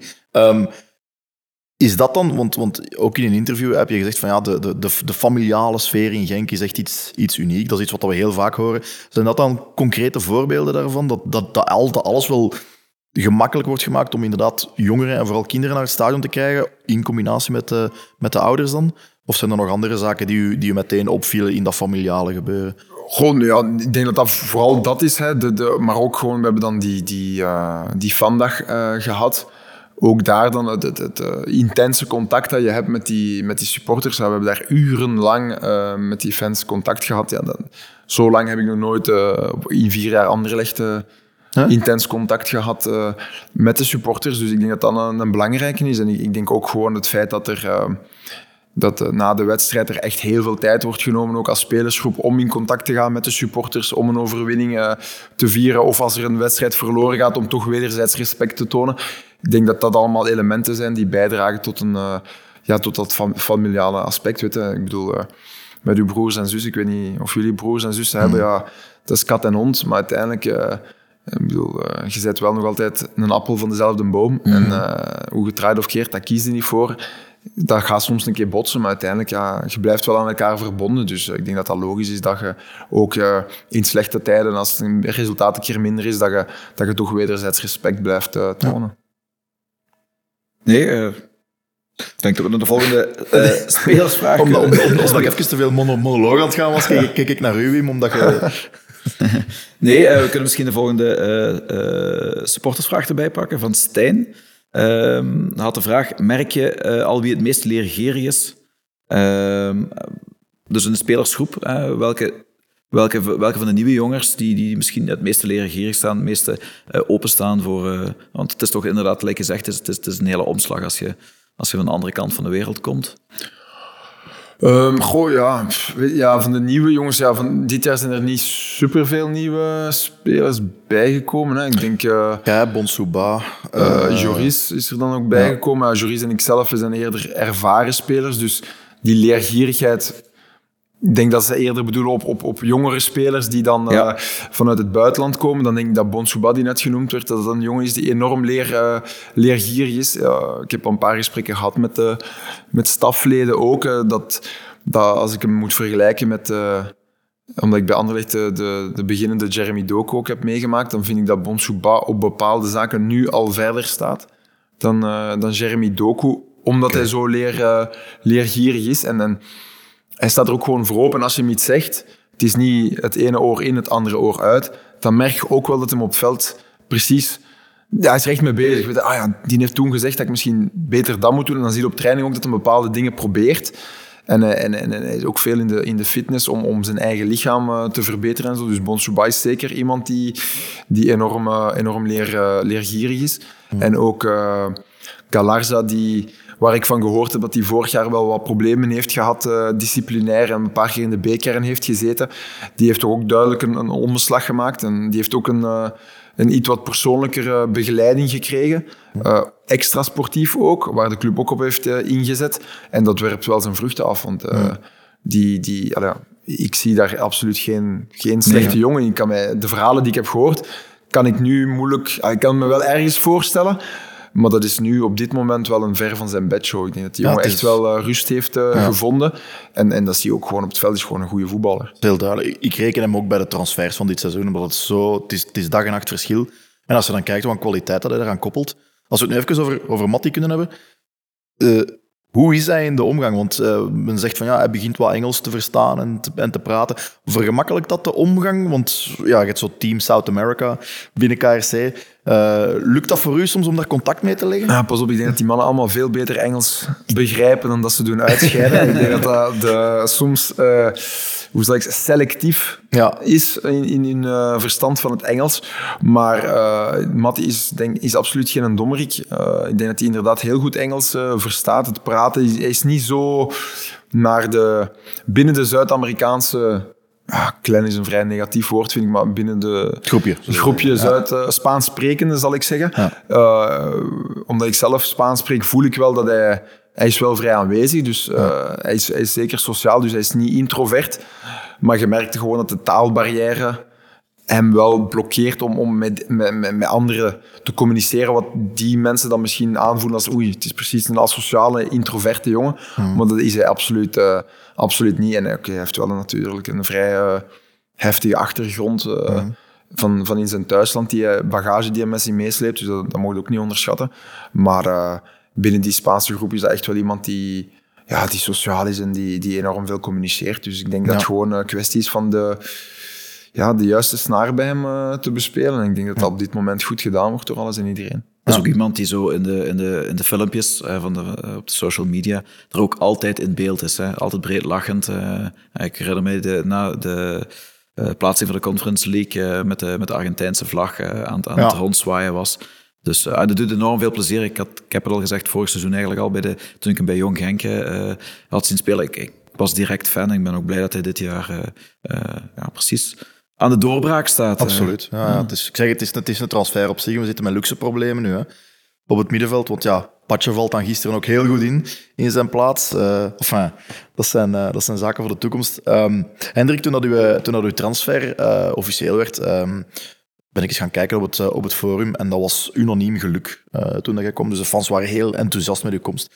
Uiteraard, ja, goede jaren gehad bij Anderlecht, ook zeker en vast bij, bij Eupen. Um, maar wat dat we vooral heel vaak hoorden, was dat er lof was voor uw ja, natuurlijke leiderschapskwaliteiten, uw rol in de kleedkamer. Um, nog zonder dat jij een minuut in die kleedkamer had gezeten, was iedereen daarvan overtuigd. Hebben ze daar gelijk in of niet? Is dat iets wat dat jij je automatisch toedicht? Of, uh... ik, ik denk dat ik altijd wel ergens een natuurlijke leider ben geweest, maar ik denk dat vooral in mijn periode bij Anderlecht, dat uh, Vinnie... Uh, Vincent Compagnie. Compagnie ja, ja, ja, sorry.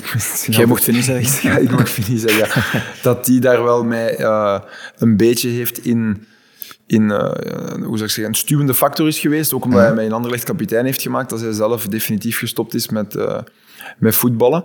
Uh, maar ook los daarvan, als ik geen kapiteinsband zou hebben, dan zoals ik nu in Genk geen kapiteinsband heb, zal ik altijd gewoon mezelf zijn. En ik denk dat mezelf zijn is gewoon vrij aanwezig zijn.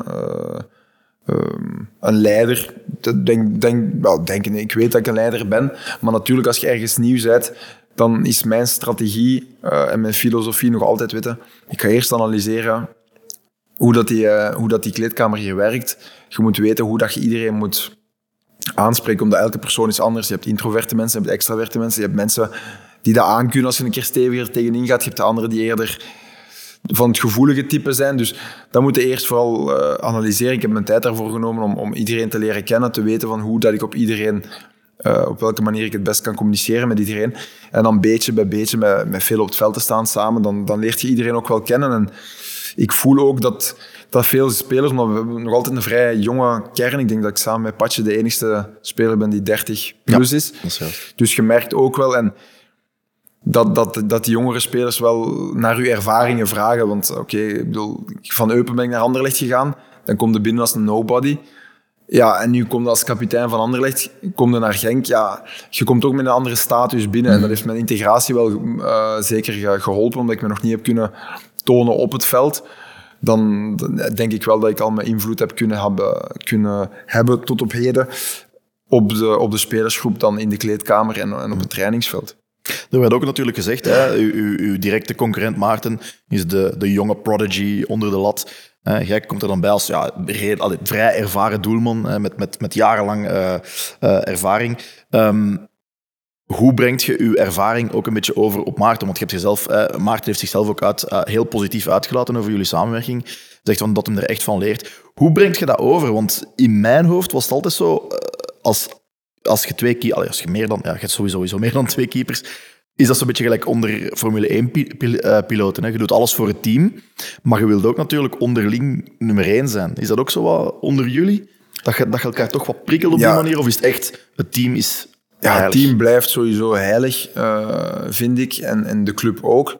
En ik vind dat inderdaad, je moet die onderlinge concurrentie hebben. Maar het is, die onderlinge concurrentie moet niet direct de reden zijn dat je niet op een menselijke, normale, correcte manier met elkaar kunt omgaan. Hmm. En dan vergelijk ik de situatie eh, van vandaag met Maarten met die van vorig jaar met Bart Verbrugge.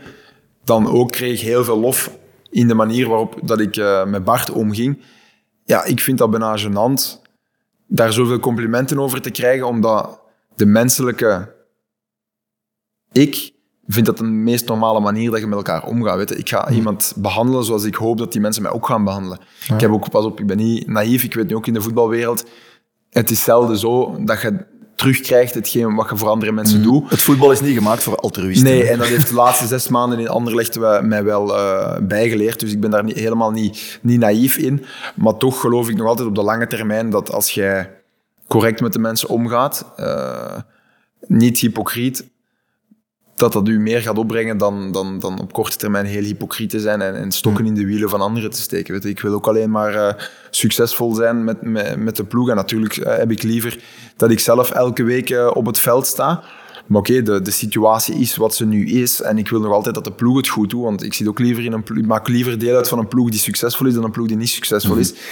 En ik heb altijd gezegd, als mijn rol op dit moment tweede doelman is en Maarten doet het op dit moment heel goed, dan heb ik daar ook mijn verdiensten aan, omdat ik Maarten zal pushen op training om die 5 of 10 procent extra te doen, waardoor dat hij ook op een hoger niveau komt. En ik moet ook weer elke dag uh, wat extra trainen om proberen Maarten het moeilijk te maken op het moment als ik mijn kans zou krijgen, dat ik ook wel klaar ben om in te vallen. En ik denk als jij meer bezig bent met steken van stokken in wielen van anderen, op het moment dat je dan zelf je kans gaat krijgen, ga je ook niet klaar zijn. Nee.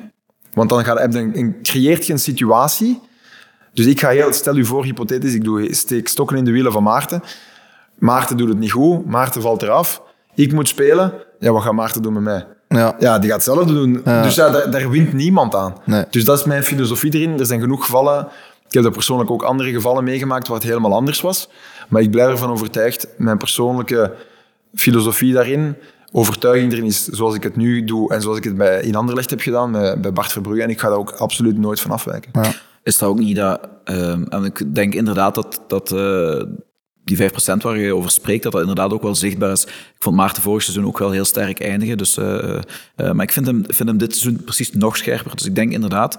Dat is de factor Hendrik, hè? Uh, ja, ik denk inderdaad dat dat... dat, dat, ja, dat is ook logisch. Hè? Ik bedoel, ergens in je achterhoofd speelt dat toch altijd wel een beetje mee. Van, als je zeker bent van je, van, van je plek, of je bent, je bent alleen maar zeker als je, als je blijft presteren. Dus ik denk dat dat zeker wel een, een meerwaarde is. Denk je ook niet dat het... Um, Uh, het feit is dat je, dat je met, met Maarten... De keepers zijn toch altijd een clubje apart binnen, binnen, binnen de kern. Jullie zijn toch meer close, hè, want jullie hebben ook aparte uh, trainingssamen. Is dat ook gewoon voor keepers ook niet meer nodig uh, om, om een goede band te hebben met elkaar? Absoluut. Ik denk dat dat, dat, goed aanhaalt. Het is eigenlijk een, een, familie in een, in een grotere familie. De keepers met de keepertrainer in kluis. En ik denk dat we op, op Genk een hele toffe, toffe groep hebben met met Maarten, met Vic Chambard, uh, met Mike Penders, Tobe die nu vertrokken is naar, uh, naar OHL.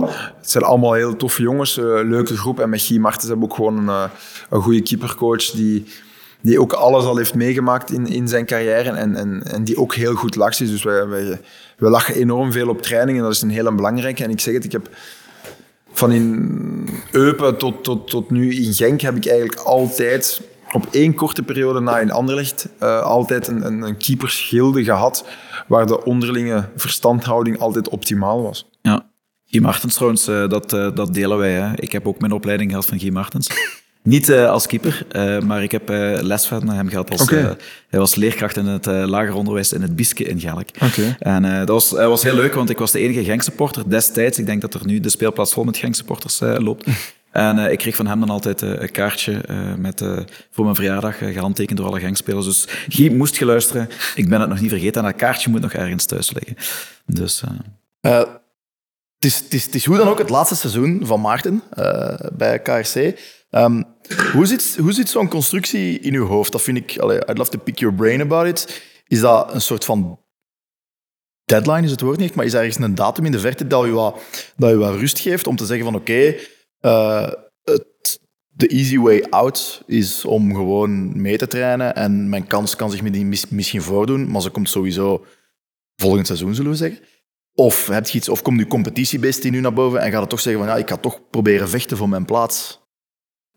Ja, ik, ik, ik ben daar heel eerlijk in. Ik zou liever morgen in doel staan dan volgend seizoen. Tuurlijk, ja. Dus dat uh, competitiebeest is, is van dag één aanwezig. Uh, ik, ik heb ook gewoon gemerkt dat ik uh, met komen naar Genk ook ergens een nieuwe, een nieuwe schwung gevonden heb in, in, in dat competitiebeest. Uh, ik had nood aan een nieuwe, nieuwe omgeving. Bij Anderlecht was er gewoon te veel, te veel gebeurd. Ik heb te veel energie ook gestoken in, in, als kapitein in randzaken, in al die crisismomenten, dat, dat de prestaties op het veld daar ook onder geleden hebben. En ook gewoon de atleet er heeft onder geleden. En ik denk dat ik nu bij, bij Genk en met Guy uh, een, trein, een keepertrainer ook heb gevonden die die me weer, uh, durf ik zeggen, tot het beste niveau van mezelf terug heeft kunnen, kunnen brengen. Omdat er wel vorig jaar wel wat kritiek was. Dat is er altijd bij, bij Anderlecht natuurlijk, dus daar niet van. En, ik ben de eerste om, om, om, toe te geven als er kritiek is of om daarop te antwoorden. Maar ik voel gewoon wel dat de trainingsarbeid met Guy en, en met de andere keepers me wel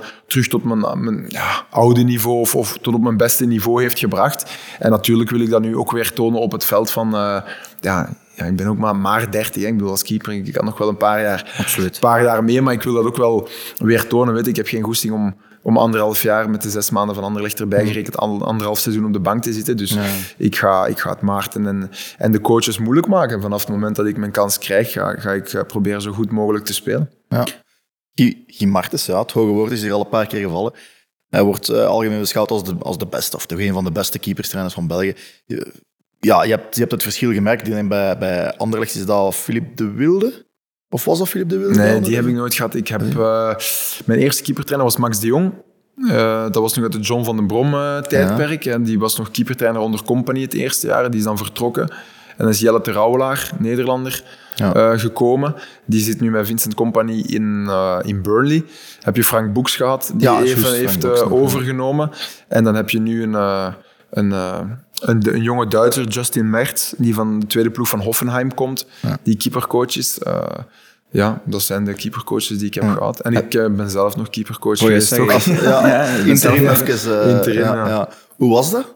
Voor- Ja, voor- ik zeg het, Anderlecht eh, en speler-trainers, dat is niet, dat is, dat is niet nieuw. Dus, eh, Alleen maar voor Club Legends ook. ja, dus, voilà, ja, voilà, kijk. Dus eh, ja, dat was, dat was een hele speciale situatie. Maar niet, niet voor herhaling vatbaar. Eh, nee. Is het wel iets wat je nog ambieert op, eh, op lange termijn? Ik ja, op lange termijn, op, op korte termijn ambieer ik vooral nog veel wedstrijden te spelen. En eh, op lange termijn probeer ik niet te veel op te focussen, omdat in het voetbal op lange termijn denken is, is in mijn ogen nefast. Ik denk dat je vooral moet focussen op korte doelstellingen en ambities die je moet proberen waar te maken en dan die gebruiken als springplank naar, naar het volgende. Bereid u er wel op voor als je je kebab gaat eten in de Stalenstraat, dat iedereen u dat gaat vragen. Want je wilt niet weten hoeveel supporters dan ons die vraag gesteld hebben. Van- Of je na je carrière bij Genk keeperstrainer zou willen worden. Ik ga het gewoon benoemen. Ik weet wel, ik weet wel maar eh, ik, heb, ik heb dat gesprek ook gehad met, wie was het? Ik denk dat met, met, met Vic Chambard was, die, die, eh, die ook zei van, eh, dat dat blijkbaar wel toen dat ik getekend had, dat dat ook wel een van de directe reacties was binnen de keepersgilden en dergelijke. Van, eh, ah ja, oké, dat is Hendrik die gaat hier nog ehm, eh, een paar jaar spelen en dan, eh, dan gaat hij het stokje overnemen van... van, eh, van Guy Martens, dat dat een beetje de reactie was bij de keepers toen, op dat moment als ik mijn handtekening had gezet. Maar ik zeg het, eh, ik ben nu 30, ik heb drie jaar plus een jaar optie getekend, dus ik hoop nog minstens drie jaar toch echt in doel te staan bij Racing Genk. Keeper is dat eigenlijk de beste jaren komen eraan nu. Hè? Dus, eh, Dus eh, Genk heeft me op het goede moment eh, gekocht. Ja. Ehm, er is nog een hele interessante supportersvraag van, eh, van Stijn. Die zegt, keeper zijn is anno 2023 veel meer dan gewoon een, een balletje stoppen. En vaak, zeker bij Genk, zegt hij, begint een aanval van de voet van de keeper.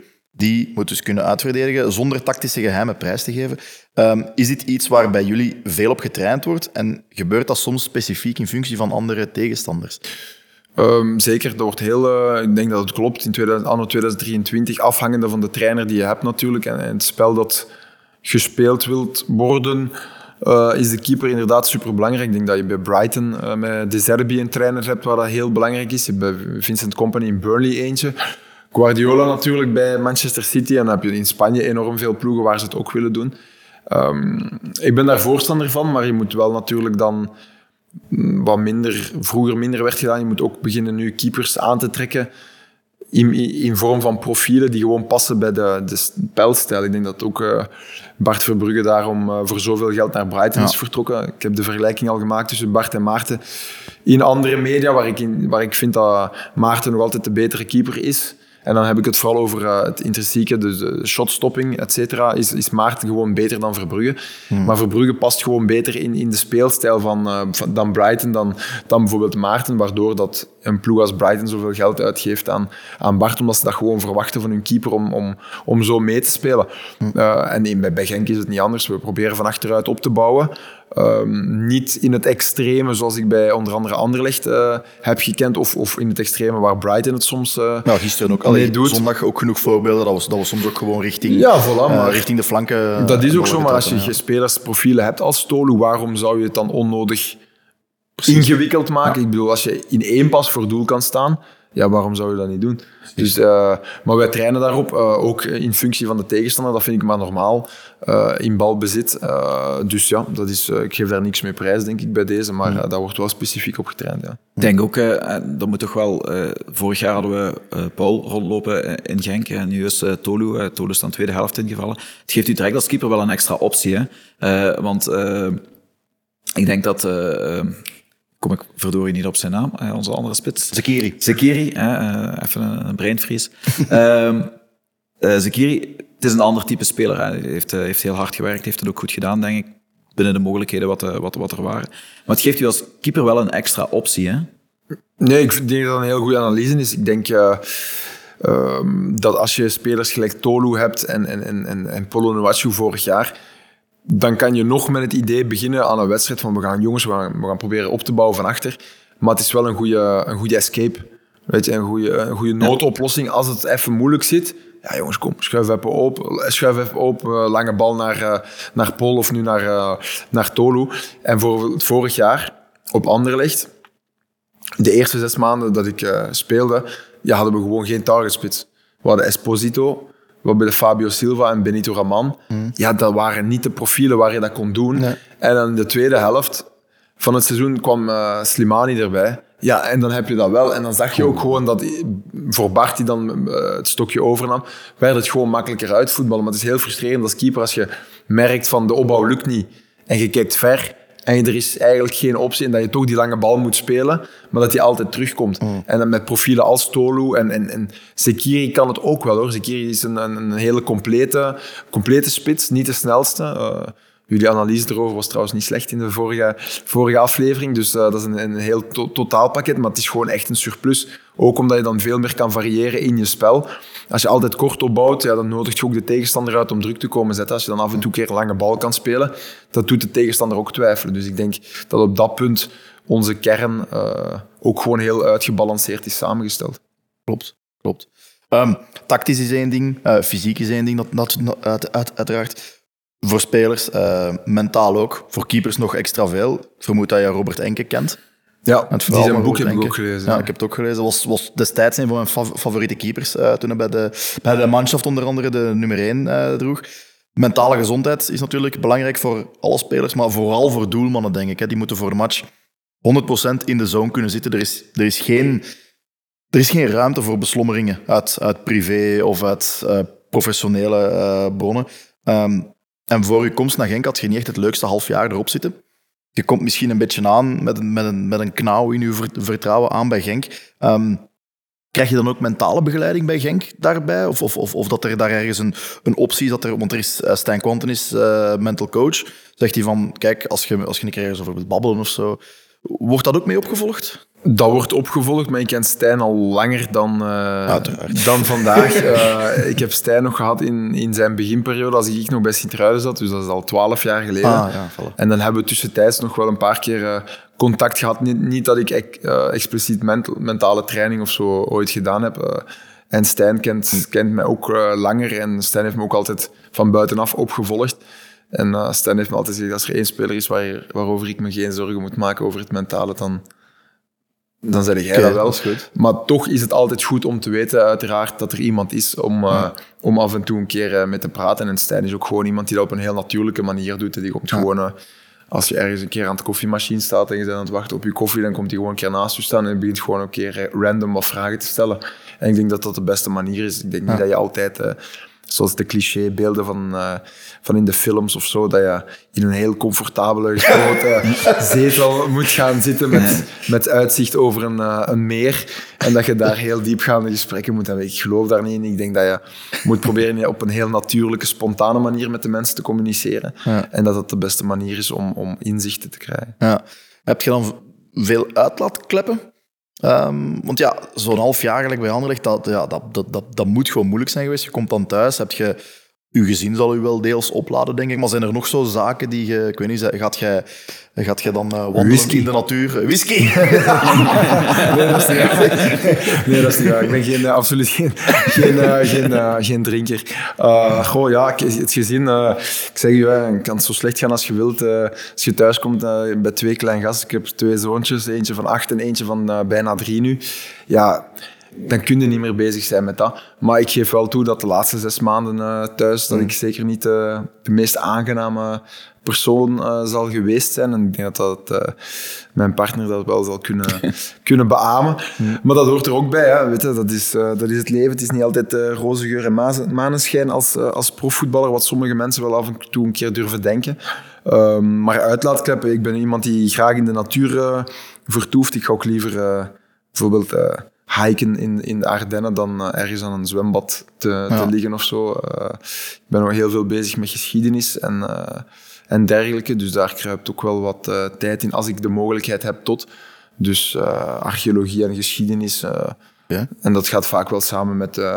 als je een goede wandeling gaat maken in de natuur of zo, dan ben ik wel iemand die snel gaat opzoeken. Als ik ergens ben waar ik nog nooit ben geweest ben, wat is de geschiedenis van de plek? En dan zijn er wel bezienswaardigheden waar, ik, waar ik me even wat tijd wil aan eh, besteden. Kijk, als is leerkracht geschiedenis kan ik dat alleen maar eh ja? aanmoedigen. kijk, hè. ja. Ja, en zoiets dat wel zo tijd neemt. Eigenlijk als je de, de, de Clara-podcast van Leopold 2 misschien al het beluisterd of niet? Eh, die heb ik beluisterd, maar ehm, dat is nu niet echt een specifieke periode die me Ah. interesseert. Niet zozeer eh, over het feit dat er dan wel wat handen werden afgekapt van eh, de Afrikanen, Afrikaanse lokale bevolking.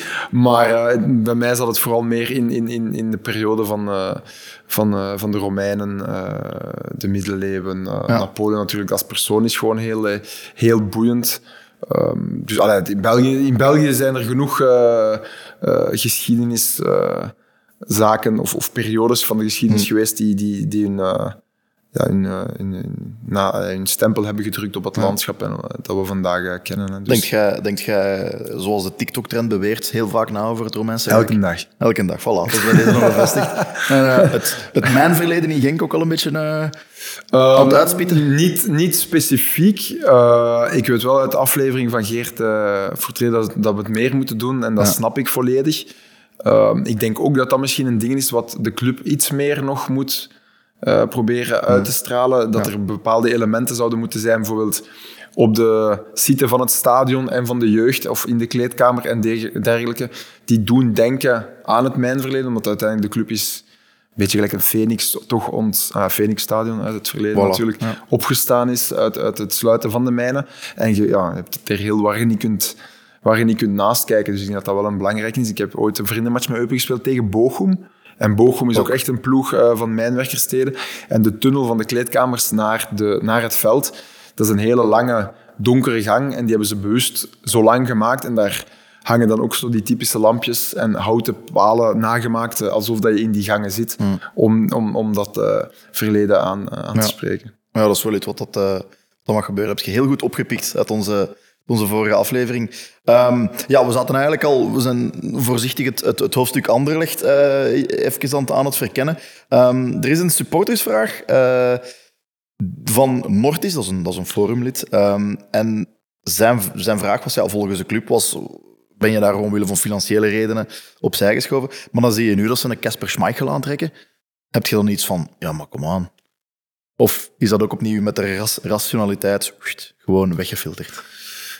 Ja, volledig niet natuurlijk, maar eh, ja, weet je, ik, ik, als je vier jaar op Anderlecht zit en de laatste twee jaar hoor je bijna over alles steeds van één woord dat terugkomt en dan is budget, budget, budget. Ik heb alle respect voor, voor de, de, de, de, financiële situatie van, eh, van Anderlecht. Die was eh, en is denk ik nog altijd op, tot op heden niet, niet super rooskleurig en niet gezond. Ehm, het feit dat ik aan de kant ben geschoven zal deels financieel geweest zijn. Eh, anderzijds zit daar ook een hele politieke, strategische keuze in. Van ja, kijk, eh, de financiële situatie is niet goed. We hebben hier een talent achter Hendrik die een heel goed contract heeft, die we misschien kwijt zijn aan lage prijs, omdat die niet speelt. Misschien moeten we die nu laten spelen, hopen dat die ontploft en dan gaan we die voor een meervoud kunnen verkopen. Dat kan ik allemaal begrijpen en dat kan ik ook in volgen. Dan zal ik misschien als clubbestuurder zelf ook zo gereageerd hebben. Maar ik zou het anders afgehandeld hebben en dan zeker in een hele andere, andere timing dan dat nu gebeurd is. Maar als ik dan nu kijk welke spelers er allemaal op korte termijn zijn bijgekomen. Ja, dan heb ik ook van Fredberg uh, gelezen van dat hij zegt van ja, de financiële situatie van de club is nu beter. Al de gasten die zijn binnengekomen, ja... Financiële injectie ook nog, hè, van 14, 15 miljoen Ja, er zal inderdaad... Oké, er is wel verkocht geweest natuurlijk voor, uh, voor aardige sommen, dat snap ik. Maar ja, ja de, de, de liberaal in mezelf gaat dan zeggen, als goede huisvader moet er dan toch een deeltje van naar afbetaling van schulden gaan, denk ik dan. Dus ik denk niet dat dat integraal zal kunnen geïnvesteerd zijn in, in, uh, in die nieuwe spelersgroep. Maar er zijn wel 12, 13 nieuwe spelers gekomen. Veel op uitleenbasis natuurlijk. Maar toch jongens uit grote clubs. En die, die verdienen ja. zeker niet minder nee, dan hetgeen wat ik verdien. Ja, dan is de keuze voor KRC Genk, VZ, voor KRC Genk VZW toch uh, de goede, denk ik. Um, we gaan nog eens iets verder de, de, de tijd in. Uh, want bij Eupen zet je echt aan de oppervlakte gekomen. Heeft, heeft iedereen u echt uh, leren, leren kennen. Um, ik herinner me een paar heel, echt ziek goede wedstrijden van u. Als, als je eigenlijk zag uh, opkomen in dat, in dat groen bloesje en dat grijs shortje, dan wist je al, it's over, the game's over. er staan ook een paar um, YouTube-filmpjes van u, van zo'n scouting-platformen, al dan niet officieel, okay. die wat beelden online hebben gestoken. En ja, daar, daar, staat, daar staat toch het een en het ander tussen. Um, is er een seizoen of een, of een periode bij Eupen waarvan je zegt van toen was ik at the top of my game? Goh, dat is een, een hele goede vraag. Ik ben, ik ben, niet zo goed in het herinneren van wedstrijden dat ik gespeeld heb. Ik weet wel dat ik uh, ooit een... Uh, en ik denk dat inderdaad die periode zal zijn met dat groen-grijs tenue wat je nu aanhaalt, dat ik ook op Genk, en toen speelde Leon Bailey nog, voor Racing Genk. Klopt. Dat ik een echt zotte wedstrijd... Maar ik, over het algemeen heb ik wel als Eupen-speler en ook als Anderlecht-speler op Genk altijd wel een, een goede wedstrijd gespeeld. Ook gewoon omdat... Ja, ik vind het een tof stadion, tof publiek, toffe mensen. Ik voelde me daar altijd op mijn gemak. Dus dat werkte dan tegen ons, toch? Ja, dat werkte dan inderdaad tegen jullie. Maar ik denk dat ja, die periode, of, of het jaar dat wij ons met Eupen op de allerlaatste speeldag gered hebben. Met die hattrick van Toyokawa Ja, inderdaad. Zieke match, ik heb die ook gezien. Ja. ja. ik denk over het algemeen, ja, mijn Eupense periode is, ja, zijn altijd wel vrij goed geweest, omdat ik me altijd wel in de kijker heb kunnen mm. spelen van wat clubs. Maar uh, ja, zijn zo, het is wel opvallend inderdaad, nu mm. dat je het vraagt, dat er wel wat wedstrijden van tegen Genk bij zitten. Ah, wel, die match dat je zei, 2016 in Genk, met Leon Bailey. Herinnert je u iets aan de rust, wat een fan naar u riep? Toen je aan het doel van Zuid stond, waar de, waar de, dus aan jullie... Je stond nee. eerst met uw rug naar waar het nu de, de spionkop zit. Die, die fan weet het wel nog. Dus ja. Nee, dat weet ik Ik herinner mij nog, ik stond vlak achter, ah, ik, ik, stond vlak achter, ik stond vlak achter de goal. En je wacht, ja. Ik denk dat we wel uiteindelijk met, met 1-0 zijn kunnen ja, rusten aan een own goal. Nee, je hebt niet veel gewonnen. Uh, nee, nee, maar dat is de boetade helemaal niet. Uh, maar ik had iets van, godverdomme, die van Krombruggen is er hier weer alles aan het uithouden eigenlijk. In, zijn, uh, in, de, in, de, in de highlights dat we altijd zagen. Um, werd gefloten voor rust. Je draaide nu om voor je, voor je handdoek en je, van je flesje te pakken en je liep met een verdediger weg. En ik riep nog naar u, Hendrik, Hendrik. En jij draaide nu effectief om en ik deed gewoon teken van, stop ermee.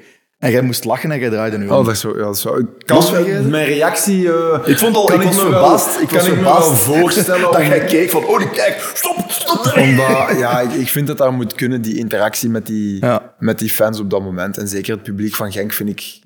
Uh, dat is misschien ook omdat we maar bij Eupen speelden, was altijd vrij vrij correct en, en, en vrij... Ja. Met Eupen hebben we ook nooit echt beef gehad, denk ik. Zelfs nee. niet na die zelfs, hold-up. Zelfs, zelfs, dit seizoen, zelfs dit seizoen was het nog. Nee, dus... Ja. Ja. Oké, okay, maar dat is goed. Dat, dat, dat, dat, is, dat is wel iets, want ik droeg dat altijd met mijn mening van heeft hij dat ja, ik denk dat er toen een artikel, ik denk dat mijn vader dat wel ooit gezegd heeft, dat het toen een artikel was, ik weet niet in welke krant, dat het nu Belang was of iets anders, en dat er dan stond van Krombrugge 2, Bailey 0 of, of zoiets. Ja, dat, dat kan ja, ja, zou wel goed kunnen. Ja, ik, ik denk echt... Ik heb die, ik heb, als, als, als voorbereiding heb ik die, die wedstrijd nog ergens gevonden op YouTube en de highlights kunnen herbekijken. Bailey gaat nog over u gedroomd hebben, jong. Echt waar. Maar ik vind het wel grappig, want je hebt dan van die spelers. Want Ali Samatta was ook zo iemand, daar heb ik ook wel een paar keer echt goede bal van gestopt. De kopbal van op ja, van uw een tegen voet. Ja. En, en, ja. en En dat, dat, ook zo, dat zijn zo'n type spelers die dan bij een corner erna naast je komen staan en zeggen van hey, come on man, you really don't want me to score today. Hè? Dat, dat vind ik wel is leuke, tof, ja. leuke dingetjes om dat langs de ene kant toont te van oké, ik heb hier wel de mentale overhand. Ja, ja. En dat geeft u wel een extra, extra boost. Die, die groene-grijze combo, jong, dat was, dat was het. eh. Maar ja, Eupen was, was, was wel een goede periode, want je hebt er uw vrouw leren kennen. Eh, ja, klopt. Ehm, zes jaar gespeeld. V- eh, hoeveel? Drie jaar tweede klasse, drie jaar eerste klasse, denk ik. Eh, ehm, als vrije speler begonnen, omdat ik was dan bij, bij Sint-Truiden gedebuteerd. En we zijn dan eh, dat eerste jaar gezakt met Sint-Truiden naar tweede klasse. En ik werd dan door voormalig sportief directeur, dat was Jan-Pieter Martens, als ik me niet vergis, aan de kant geschoven. En dan heb ik eh, in januari mijn contract opgezegd en dan heb ik letterlijk zes maanden zonder club gezeten. Als 19-jarige snaak. En dan heb ik... eh, ja, wat heb ik allemaal gedaan? Ik heb toen tweede kansonderwijs... eh nee, toen zat ik ook nog niet aan de drank. Tweede kansonderwijs eh, gevolgd eh, in Zonhoven gaat dat zelfs geweest. Hè? Dus niet, niet, niet ver van Genk. Ja. En dan heb ik eh, nog gewerkt in, in, in, ja, in winkels, gelijk, wat is dat, een blokker en zo, rekken vullen en dergelijke. Eh, om toch bezig te zijn. Want mijn ouders ook zeiden, ja vriend, als je geen profvoetballer bent, dan moet je gaan of studeren of je moet gaan werken. Ja, ja. Dus, eh, Chapeau wel. Dus voilà, dan, dan kon ik, heb ik een tijd met de belofte van KV Mechelen meegetraind. Omdat ik die trainer nog kende eh, via via. En dan eh, de mogelijkheid gehad om bij Eupen te gaan testen, wat toen een tweede klasser was, die pas overgenomen was door de Aspire Academy. Ja, En toen werd mij aangeraden, ik heb toen eh, advies gevraagd aan Sven van den Broek, eh, die nu weer in Afrika is een avontuur heeft, ex-speler van Liersen en Mechelen onder andere, die was beloftecoach van Mechelen. Eh, of dat een goed idee was om naar Eupen te gaan. En hij van, ik zou dat doen als ik u was. En dan ben ik daar terechtgekomen en dan eh, zo aan de weg naar boven getimmerd. Ja. Hoe was, hoe was dat zo bij Eupen? Want dat, dat lijkt me ook wel een, een, een fijne club om te spelen. Het is zo... Ja. is een hele toffe club. Echt een hele toffe club. Eh, een beetje onbekend, onbemind nog altijd, vind ik. Mensen kijken er nog altijd een beetje op neer, vind ik. Eh, maar ik kan enkel zeggen, als je daar echt in die club zit, zeker als Vlaming, qua mentaliteit sluit het wel echt aan bij de Limburgse mentaliteit. Dat vind ik wel. En als je mensen, eh, bepaalde diehard fans, ze hebben er niet heel veel, maar degenen die er zitten, die ook al van een paar generaties ouder zijn en die ze spreken plat, Eupens dialect. En je zet daar iemand uit Maasland naast. En die spreekt plat Limburgs of Maaslands dialect. Dat is bijna net hetzelfde. Kunt jij iets plats Eupens? Nou, Iets geleerd hebben. Ja, Zes niet- jaar, Hendrik, kom aan. Niet, niet, nee, nee, echt Nee, niet veel. Mijn schoonmoeder Zaliger, die helaas eh, twee, vorig jaar eh, gestorven is, die kon dat nog. Maar ik weet dat zij heel veel woorden zeiden die, dat, die ik gewoon kon linken met Vlaams dialect. En het zijn allemaal... Omdat Eupens dialect is... eh, ja, onze geschiedenisleraar gaat dat wel moeten kennen. Is, is gelinkt met het Diets. Ja, klopt. En, Ja, en, vandaar zijn er wel wat, wat woorden die gewoon bijna letterlijk het, hetzelfde zijn. En ik zeg het, qua mentaliteit is het echt heel, heel Vlaams. Hoor. Het is Ja. een mengeling tussen Vlaams, Vlaamse en Duitse mentaliteit, vind ik. En, en ze zijn ook absoluut... Je mocht niet tegen iemand van Eupen zeggen dat het een Waal is. Hè, want Nee. dat Nee, nee, dat, nee, nee. eh, en maar ook Ja. niet dat het een Duitser is. Hè.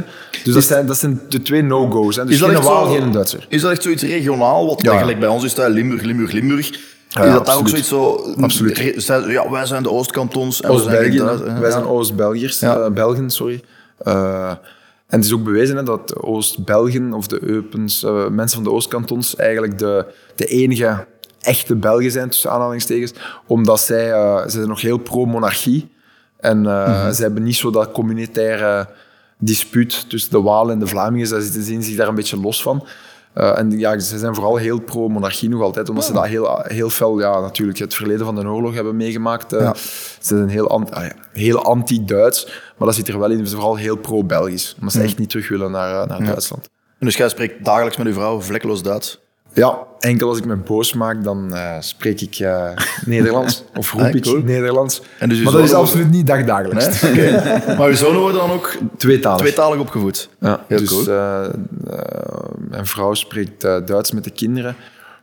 Kinderen gaan wel in Nederlandstalig onderwijs natuurlijk, Ja. maar ze begrijpen alles in het Duits. En ik merk ook aan de kinderen, vooral de oudste dan, als wij een familiefeest hebben of zo, of er is familie uit Eupen op bezoek en die zijn twee of drie dagen aanwezig, dan begint hij automatisch ook al in het Duits eh, te babbelen. Dus dat is, iets, dat is een zaadje dat is in zijn hoofd geplant. Ja. En de dag dat hij Duits gaat hebben op school, dan gaat dat ook veel gemakkelijker zijn. Heeft de Bundesliga ook een, een plaats eh, aan, de, aan de eettafel thuis? Ja, die van ons is wel eh, fan van eh, eerste FC Köln. Dus eh, Ah, kijk. dat is ook... eh, ja, zijn heel veel, ja, dat is dingen in Eupen zeggen ze altijd ja, zo weinig volk. Maar ja, de luxe. Schalken is vlakbij Dortmund, Gladbach, Keulen. En zelfs Alemania aangetrekt nog wel wat Ja. Alemania Aachen heb ik wedstrijden gezien. Dat is dan vierde klas en daar zit dan gewoon 17, 18.000 Ja. man. Dat is echt gewoon... En dat is ook, ik vind ook qua sfeer is dat het beste van het beste. Dat is beter dan de Premier League. Ik vind dat ook. Ja, de Premier League zijn leuke gezangen, maar qua ambiance, al die vlaggen en iedereen maar springen, Duitsland top. En supporters lopen gewoon Ja, door elkaar top. ook daar. is gewoon top. De, de, de braadvoers die je dan kunt eten Ja. met, de, met de saus af Ja, kiezen. zeker. Uit die, Top. Uit die uiers. Die daar, Ja, ja, die daar ja. hangen. Ik vergeet, ik vergeet nooit, eh, we zijn nooit een eh, wedstrijd gaan kijken samen met heel veel Genk-supporters naar eh, Gladbach. Gladbach tegen Hoffenheim. En eh, daar kwam de bus van Hoffenheim eh, kwam, met supporters kwam aangereden. En eh die Gladbach-supporters allemaal hoera, hoera, dat ganse dorp is wieder daar. dus, eh, maar, zo, maar die Amerikanaliteit, ook hè, die sporters wat door elkaar zitten. eh, en als het bezoekersvak vol zit, dan zetten de, de bezoekers zich gewoon tussen de thuissupporters. eh, buiten, de, buiten, buiten de rivaliteitsmatchen. Dat vind ik inderdaad, dat zouden we hier in België misschien ook wel wat meer mogen hebben. Ja, absoluut. Ja, Hendrik, ze zeggen altijd... eh ah ja, ja, dat van Krombrugge, die leest veel boeken. Precies of dat zo een unicum is als eh, voetballer. Ehm, is dat dan vooral fictie of non-fictie bij u? Non-fictie. Non-fictie. Dus zoiets gelijk Racing Limburg, dat zou wel op uw nachtkastje kunnen liggen. Ja, als ik dat boek ooit eh, ter beschikking heb, eh, dan zou dat wel kunnen. Maar Kent bol.com? dat ken ik eh, maar al te goed. Als ik had geweten, had ik een exemplaar. Ja, maar ja, dat is, het is niet... Ja, ik zeg het, het genre dat ik lees is vooral ik zeg het, ja, heel geschied, geschiedenisgebonden of, of sociaal-wetenschappelijk gebonden. Dus eh, een beetje wat, wat leeft in de, in de maatschappij. En, ehm, ja, Wat, ik ben wat nu- ligt er nu bijvoorbeeld op het nachtkastje? Eh, op dit moment geen boek, omdat ik, eh, mijn laatste boek dat ik aan het lezen was, is eigenlijk uit als Homo Deus. Ja, Joel Nava- Nahari. hè? ja, inderdaad. heel, goed, heel goed boek. En ik ben nu eigenlijk... eh, ga ik proberen het boek, een, boek te kopen, maar dat is niet in het Nederlands eh, beschikbaar, dus gaat het in het Engels moeten zijn. Dat is eh, Fingerprints of the Gods van Ja. eh, Graham Hancock. En Graham Hancock, voor de eh, niet-kenners, zal ik dan maar zeggen, is, eh, een, ja, wordt een beetje door eh, de academische wereld eh, afgeschreven als een pseudo-wetenschapper, pseudo-archeoloog, omdat hij eh, gelooft in een bepaalde theorie dat er eh, voor de laatste ijstijd eh, een, een, eh, een eh, gesofisticeerde beschaving was. Dus Atlantis en dergelijke, Ja. dat dat allemaal bestond. En dat dat dan met de laatste ijstijd, dat het allemaal vergaan is en zo. En ik heb die- een goede Netflix-serie van ook, die te zien is. En dat heeft me echt wel getriggerd. En ik ben iemand die altijd heel veel met geschiedenis bezig is geweest. En er zijn toch wel een paar dingen waar ik echt zoiets van heb van... Hij zou toch maar gelijk kunnen hebben. Ja, ja. Dus ik ga ze een boek wel, eh, wel lezen. Dat is goed. Opnieuw rationeel. Eerst alles ana- analyseren Ja, en dan eh, kunnen, we, kunnen we nog eens uit, uitnodigen.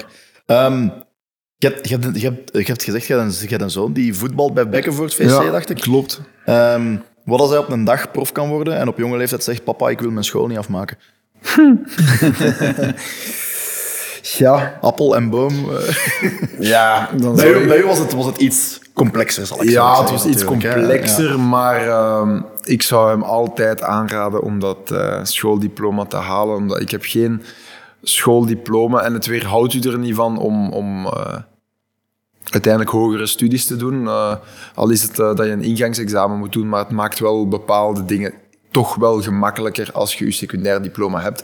Ik heb een vader die gedoctoreerd is en die les geeft en... eh, die heeft me ook altijd wel gezegd van Hendrik, als het echt moet of wilt, als je wilt dat echt, dan kun je dat ook wel nog altijd doen.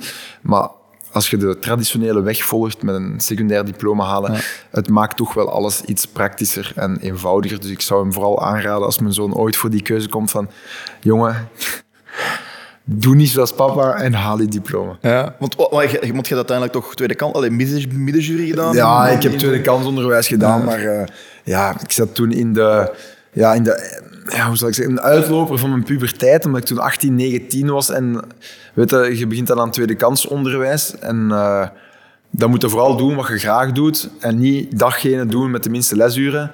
En ik heb datgene gepakt met de minste lesuren, omdat ik vooral niet te veel wou doen. En dat was absoluut geen richting voor mij, want dat was dan webdesign of zoiets. Dus ik had gewoon een, een ASO-richting moeten pakken, omdat ik gewoon eh, weet dat dat mijn, mijn, mijn ding is. En ehm, ja, het complexe was gewoon dat ik ook in Franstalig onderwijs, onderwijs heb gezeten. Dus eh, dan werd mij een bepaald niveau dat ik had gehaald, werd dan niet erkend in Vlaanderen en dit en dat. Dus het was iets complexer dan dat. Uh, maar ja, uiteindelijk, ja, mijn grootste advies is toch nog altijd mensen. Maak, maak toch je school af Ja. uh, als je de mogelijkheid hebt. Ja. Moest je nu nog iets kunnen studeren aan, aan, aan de hogeschool, UNIF, maakt niet uit wat, zou je iets specifiek kiezen? Ja, ik denk of geschiedenis, Geschiedenis of, toch, uh, of iets met uh, sociale wetenschappen. Dus Ja. uh, iets wat met de maatschappij te maken heeft. Mijn vader is gedoctoreerd in de pedagogie. Dus dat spectrum uh, is al genoeg uh, door de Van Krombrugges uh, aangeboord, zal ik zeggen. Dus ik denk eerder, ja, sociale, ja, sociale wetenschappen sluit natuurlijk wel Ja, voilà. vrij hard Ja. aan bij pedagogie. Dus ja, misschien dan toch geschiedenis en talen of zo. Ja, oh ja. Of politieke wetenschappen misschien. Ik denk dat we dat kunnen. Pol en. Sokkie noemt dat zeker? Pol en Sokkie, ja, absoluut. Pol en. Sokkie. Vroeger zeiden ze de vuilbak van de KU Leuven, maar Nou, voilà. ik, weet- ik, ik zeg dat niet. Ik, mij gaat dat niet over zeggen. Ik heb uh, TSO gedaan, dus maakt niet uit. Ehm, Wim, heb jij nog iets te vragen? Ehm, nee, ja, ik, ik, we, kregen, we kregen het net voor de, voor de wedstrijd, maar ik had, het, eh, ik had de anekdote zelf al eh, opgezocht, maar ik vind het wel een leuke. Ik vind hem te leuk om hem om niet te delen.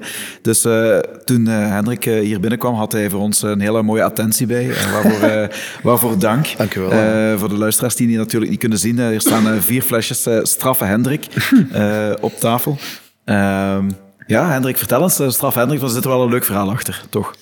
Ja, dat is eh, één. Weet je, als voetballer krijg je snel bijnamen. En dat is één van de bijnamen die ik eh, van het social eh, media team van, eh, van Anderlecht eh, kreeg na mijn eerste jaar. Omdat ik toen wel eh, direct een hele goede indruk heb kunnen nalaten met heel veel straffe reddingen. En eh, ja, ik geloof niet in het toeval. En ja, voilà, er bestaat een bier met, eh, met die naam, Straffe Hendrik. Dus dat werd dan een beetje eh, gebruikt eh, door de social media team eh, als, als, als leuke bijnaam. Ik vind, het wel, ik vind het een tof en ik vind ook wel, als je dan die attentie doet, de mensen die u dan een beetje kennen, die kunnen er altijd dan mee, mee lachen, omdat het aansluit bij mijn persoon. Dus, eh, dus voilà, bij deze. Als je met die naam bij, bij Brugge speelde, dan was het helemaal af. Hè? Dan werd je helemaal cult, denk ik. Eh, dat klopt. En ja, Hendrik van Krombrugge. Dus ja, er zitten wel Ja, Voilà. dingen in. Ja, klopt. ja.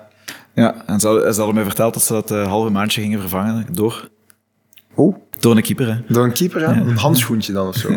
Ja, het zou, het zou wie kunnen. hè. Ja, kijk, ehm, we, we zijn richting het einde van de podcast aan het gaan. Het is, we zijn ongeveer anderhalf uur bezig, dus zoals een, voet, een Tijd voetbalmatch. vliegt, ja. Maar eh, de VAR heeft een paar dingen moeten, bekijken, moeten herbekijken, dus het is nog wel overspelen. Nee, eh, de supportersvragen die we nog niet hebben behandeld. Het ging hier de juiste over, hè, van Krombrugge. Het verhaal van de kromme Ja. Pink of wat was het, ik weet niet. Pink, ja. Eh, iemand op Instagram die de medeklinkers uit zijn naam heeft gehaald, en dus ik ga die naam niet uitspreken. Maar die wil weten, wat is het verhaal achter die kromme Pink?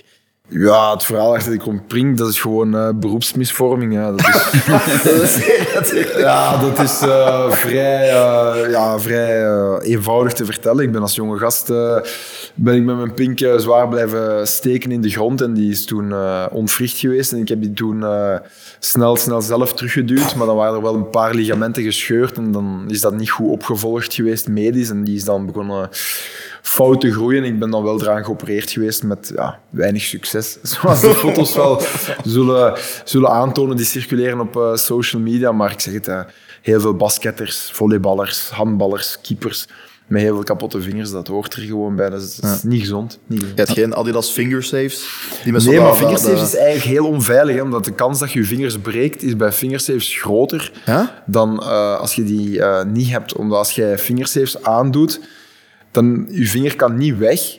Dus als die weg kan, dan ontwricht die. En dan kun je hem eigenlijk in theorie gewoon terugzetten. Ja. Maar als die niet weg kan, de impact is de kans Ah. groter dat je bot verbrijzelt. Ik heb het meeste deel van mijn carrière met fingersaves gespeeld. En als die zo'n beetje begonnen te verslijten, dan, kreeg, dan kwamen die plastiekjes Ja, wel zo klopt. aan uw coaches. En dan voel je van, oké, ik moet ze vervangen. Maar klopt.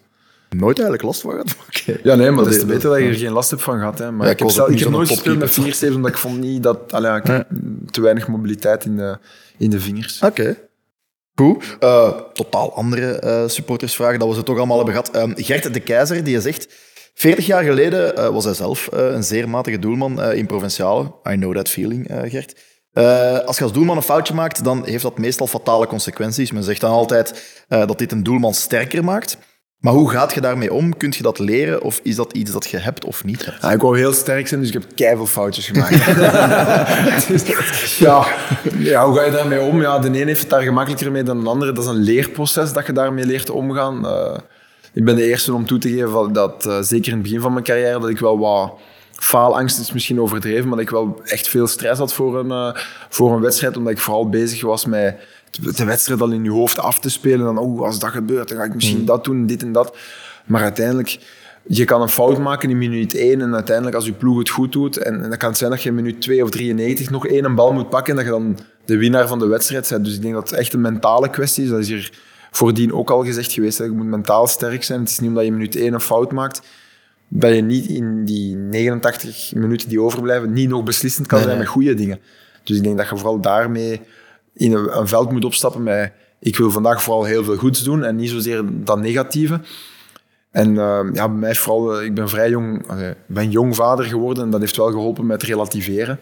En door veel te kunnen relativeren, gewoon met veel minder stress op een, op een, voetbal- ja. Mm. op een voetbalveld staan. En weet, als jonge gast denk je, als je een fout maakt en dat wordt dan morgen in de krant geschreven, dan denk je dat de mensen daar zoals jij nog dagen mee in je hoofd zit.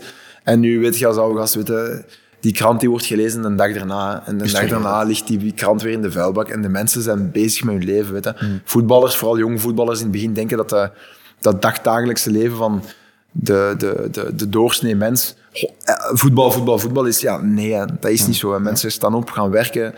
eh, en, en in het weekend zijn die bezig met de voetbal. En daarna gaat de dagelijkse sleur weer verder. Weet je. En vanaf het moment dat je als voetballer realiseert van er is veel meer op de wereld dan alleen maar voetbal. En ook bij al die andere mensen, dan is het gewoon veel gemakkelijker om te relativeren. Maar daarvoor moet je een heel open spectrum hebben en, en, en gewoon openstaan en realiseren van het leven is veel meer dan voetbal. Daarom dat ik ook uitlaatkleppen heb, zoals en geschiedenis en dingen, en sociale wetenschap en uw kinderen. En vooral bezig zijn met veel andere dingen, maar je dan tot het besef komt van er is veel meer dan voetbal. Voilà.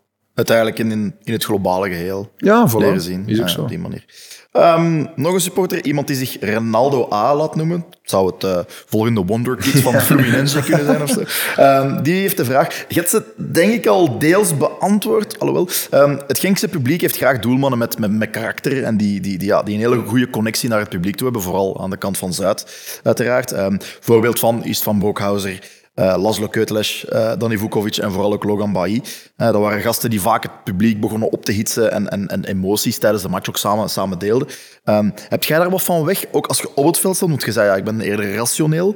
Eh, of verandert je in een beest als je tussen die palen staat? Nee, dan ga ik de, de, de fans moeten teleurstellen. Ik ben niet iemand die echt veel met het publiek zal bezig zijn in de zin van hen op te hitsen of, of, of, of dergelijke. Ik wil vooral mijn job op het veld goed doen.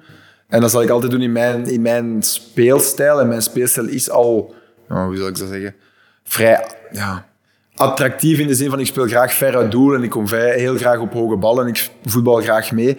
Maar ik vind vooral de sport moet mij gewoon een goede keeper vinden en, en, Ja. en dan is het voor mij goed. Dat is het voornaamste. Maar toch? Ja. ik wil vooral leider zijn voor, het ploeg, voor, de, voor de ploeg op dat veld. En, en ik ga niet mijn stijl... Ik ga niet anders doen om de supporters te pleasen, bijvoorbeeld. Op de lange termijn, je moet gewoon jezelf zijn. ja. En, en ik denk, ik maak me daar geen zorgen in alle clubs waar ik ben geweest, buiten in Sint-Truiden, hebben de mensen mij altijd geapprecieerd voor de keeper die ik ben. Dus ik ga daar ook helemaal niks, eh, niks aan, eh, aan veranderen. Maar het is wel een feit dat er in Genk eh, wel heel wat goede doelmannen zijn geweest. En er zijn wel wat cultfiguren geweest natuurlijk. Gelijk Keuteles en Vukovic natuurlijk. En Brokhauser en dergelijke. Ja, maar er is ruimte genoeg voor uw eigen input, Hendrik. Dus voel je zeker niet verplicht. Ik wil, ik wil nog een vraagje ertussen gooien. Het kwam, het, kwam, het, kwam mij, het kwam mij net eigenlijk eh, te binnen. Eh, de goal van Lazio gezien eh, in de conference. De keeper, ik heb het gelezen, maar ik heb het niet gezien. Ah, wel, eh, dat sluit wel eh, bij mijn volgende vraag aan. Als je moet kiezen, eh, in minuut 94 de ultieme save doen en dat waardoor Genk een belangrijke wedstrijd kan winnen, of in de 94 minuten hem zelf binnenkoppen. Wauw. Dat is wel een hele moeilijke. Poh. Ja, dan, ja, ik, ja, ik heb nog nooit gescoord, dus ik- dat gevoel wil ik echt wel hebben. En ik denk nog altijd, qua beleving van fans, denk ik nog altijd dan de goal maken. Oké. Denk ik. Tenzij dat een penalty is. Dat is nog iets anders. Als je hem pakt en ze fluiten dan af, ik denk dat dat bijna aansluit bij het gevoel van scoren. Omdat je inderdaad bij, bij, bij een penalty zet als keeper... Niemand verwacht iets van een keeper hè? Bij, een, bij een penalty. Je staat er hem zonder verwachtingspatroon. Jij verwacht dat wel, of, of, of jij, ga- jij gaat ervan uit. Maar niemand verwacht van, wow, die gaat dat pakken. Dus je hebt niks, te, je hebt niks te verliezen, wil ik Nee, dat klopt. keeper Maar het is vooral zo'n beetje dat... Het, het- als je een, een, een redding doet in de, in de laatste minuut, of gescoord in de laatste minuut, weet dat zo'n pen, een penalty is, laatste minuut, dat is zo echt zoiets ultiems. Een, een, een redding, dat is misschien niet zo... Ja, of of niet- zo'n strafschoppenreeks. eh lijkt, Ja, of- ja, li- ja, ik lijkt, vind eh, Anderlecht moeilijk, Genk eh, van, van, van, toen Silvio Proto de laatste eh, penalty moest pakken. Na hoeveel hadden we gestaan? Keuteles pakt hem en dan gaat Keuteles zelf hem erin trappen. En, en zelf erin trappen. Ik denk dat dat... Ik denk dat ik denk scoren nog altijd het ultiem is. Denk ik wel. Nog net iets meer. Mooi. Ja. Oké. De laatste supportersvraag. Ik vind het, ik vind het een redelijk goed. Het is eentje van Stijn eh, opnieuw. Stel dat je op een onbewoond eiland terechtkomt en één Genkie mocht meenemen om daar te overleven. Wie zou het zijn? Een Genki. Ja. Dus dan een, een, een speler uit de kern. Speler of, of ja, we zullen het bij spelers houden. Ja. Een speler, even nadenken. Hè. Dat is wel een goede vraag. Echt een goede vraag. Hè? Ja. Dat is gewoon een vraag waar ik echt moet over nadenken. Eh, Ja, want het moet iemand nuttig zijn. Iemand of, Ja, of kan, vooral kan jagen of, of zo Ja. een hut bouwen of zo. ja, daarom dat ik vrij snel bij de Zuid-Amerikaanse clans in. ja, ja. Ja, als het tot te jagen is, zou ik Mat, misschien mee. Misschien Ja, of, of Munoz. Ja, Munoz is wel de eerste die in mijn- in mijn hoofd kwam. ja, Carlos en Mackenzie zijn beide sterk. Die zijn niet dom.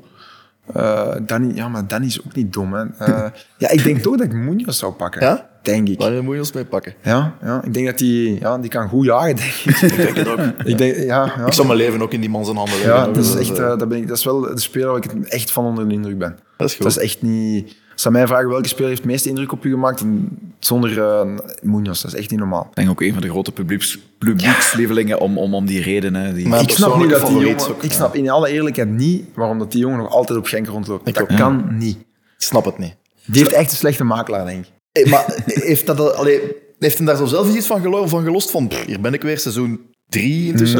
Nee, nee, dan is, is op en top prof. Die Ja, is- tuurlijk, dat is, Die, je ziet die, dat, hè. die, zoiets gaat hij nooit laten merken, omdat hij zo met zijn vak bezig is. Ik- Dat kan, ja, waarschijnlijk zal hij daar met zijn vrouw wel over spreken of zo, of met zijn entourage, of met, met, met Dimi of met iemand anders van de club. Maar dat de spelerskern die is zo professioneel en plichtsbewust, dat is echt eh, dat is een strijder, dat is, dat, is, ja. dat is niet normaal. Dat is echt topspeler. Ja, mijn persoonlijke favoriet van de huidige kern. Ja, maar dat is zo'n speler je als tegenstander Ja. als je zo'n speler, wie van de andere ploeg zou je in je ploeg willen hebben? Ja, dan, iedereen was onder de indruk van Munoz. Als je ja. Anderlecht tegen Genk speelde, ja, Munoz was gewoon, man, dat is dat beest op rechts. Ja. Die, die blijft maar lopen en die kan links. alles. Die kan scoren, die kan assist geven, die kan verdedigen, tackelen, koppen. Ja, die kan alles. Was dat dan echt zo links? Wie was het links vooral bij Anderlecht, die met goed schot, die nog gescoord heeft? Amuzu. Amuzu? Die stond er dan Ja, die, tegen? die speelde niet echt tegen Danny, hoor. Die- nee? Nee, dat was, voor de wedstrijd van, oh, nee, tegen Munoz. Ja, echt? Ja, zeker. En Munoz, ik had het met Munoz over. Ik, eh, toen ik pas toekwam, en ik zeg tegen hem ook, ja, jij zit, eh, je wordt niet de favoriete tegenstander van Amuzu. Hij zegt, ja, ik weet het, ik weet het. Het eerste wat ik deed was hem een trap, een trap geven in het begin van de match en dan bleef hem weg. Hè. Zalig, ja. Heerlijke Ja, ook Hoe, toch, hoe dat hem eruit ziet, hè. Ja? En Ja. Danny is zo echt een... Want ik denk, ik denk ook wel, eh, bij de commentatoren op tv, hij, hij krijgt eigenlijk, vind ik, onterecht wel, hij heeft dat aura van, van, van een hele gemene speler. Nee, absoluut maar dat is hij niet, hè. Nee, dat nee, is hij nee, niet. Nee, maar hij heeft- absoluut niet. Zeg, dus ik snap, wel, Ja, ik snap wel van waar dat het komt, maar het is wel onterecht, vind ik. Hij heeft ook een... Ja, het straalt ook... Ja, ik, ik, ik geef hem nu de bijnaam eh, Gladiator. Ah, ja, terecht. Dat is, ja, ik Terecht. echt... Ja. Ja. En maar, super lieve gast, hè. Super lieve gast, echt Ja, waar. ik, zeg het, ik, zou, ik, zou, ik zou graag een eh, Spaanse ter, Terriltax willen, willen Ja, snap ik. Al die gasten hier zitten, Ja, maar ja. ja, mo- moeilijk voor de luisteraars. Tenzij dat, dat jij er zo allemaal dupt achteraf. Dat is- Ja, of dingen, hè. iemand van onze spelersbegeleiders, eh eh, Silvio. Ja, maar ja, als je, er, als je er iemand dan tussen Ja. zet als die het vertaalt, dan haalt ze een beetje het... Ja, dat is waar. Het zou, wel kei grappig zijn moesten we dat eh, kunnen opnemen met video en dan dubben. Dan, eh, dan, dan blijven die lippen gaan terwijl, het, Ja, ja, gelijk zo terwijl uitgepraat bent. Ja. Gelijk Spaans, dat is, Spaanse eh, tele, telenovelas of zo, Ja. die zo worden gedubt van, van, van, van die zaken. misschien nog eentje voor op lijstje te zetten, toch? Ja, dat is goed. Maar goed, we gaan met uh, Munoz naar een onbewoond eiland. Ja, Eh, dat, is- dat zie ik zitten. Voilà, wij zijn, onze vragen zijn helemaal klaar. Er was nog één rubriekje, Hendrik, waar ik u voor heb warm gemaakt. Normaal is het Ah, de rubriek juist. van Lau, maar Wim, als je wilt, geef ik u de honneurs om het helemaal over te nemen. Ja, eh, we hebben altijd de vaste rubriek dat, eh, dat eh, een, een, onze gast eigenlijk een nummer mag kiezen voor onze playlist. Ehm, ja, als er iets in uw gedachten zit...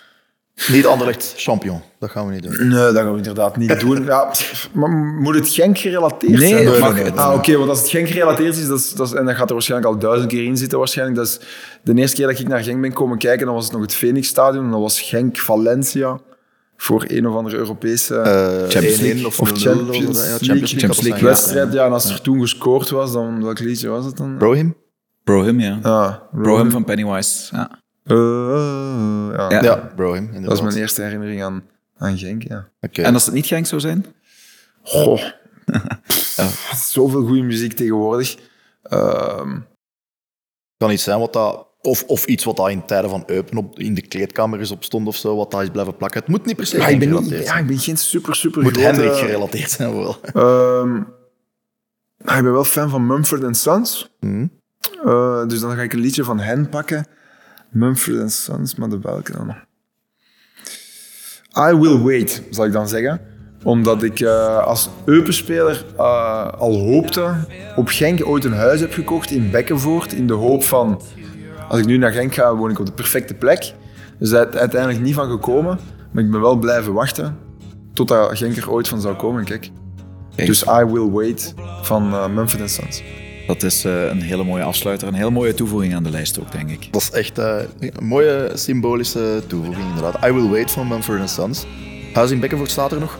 Dat staat er nog en dat wordt binnenkort eh, verhuurd, omdat wij hebben gebouwd in Tieltwingen. In Tieltwingen. Iets, Heel mooi gemaakt. iets, eh, iets verder. Ja. Ja, oh, één en afrit, denk ik. Eh, Ja, één- letterlijk één ja, ik denk dat het acht minuutjes, acht minuutjes rijden is. Ja. Dus, eh. Dat zal nog wel meevallen. Zeker. I will wait, I will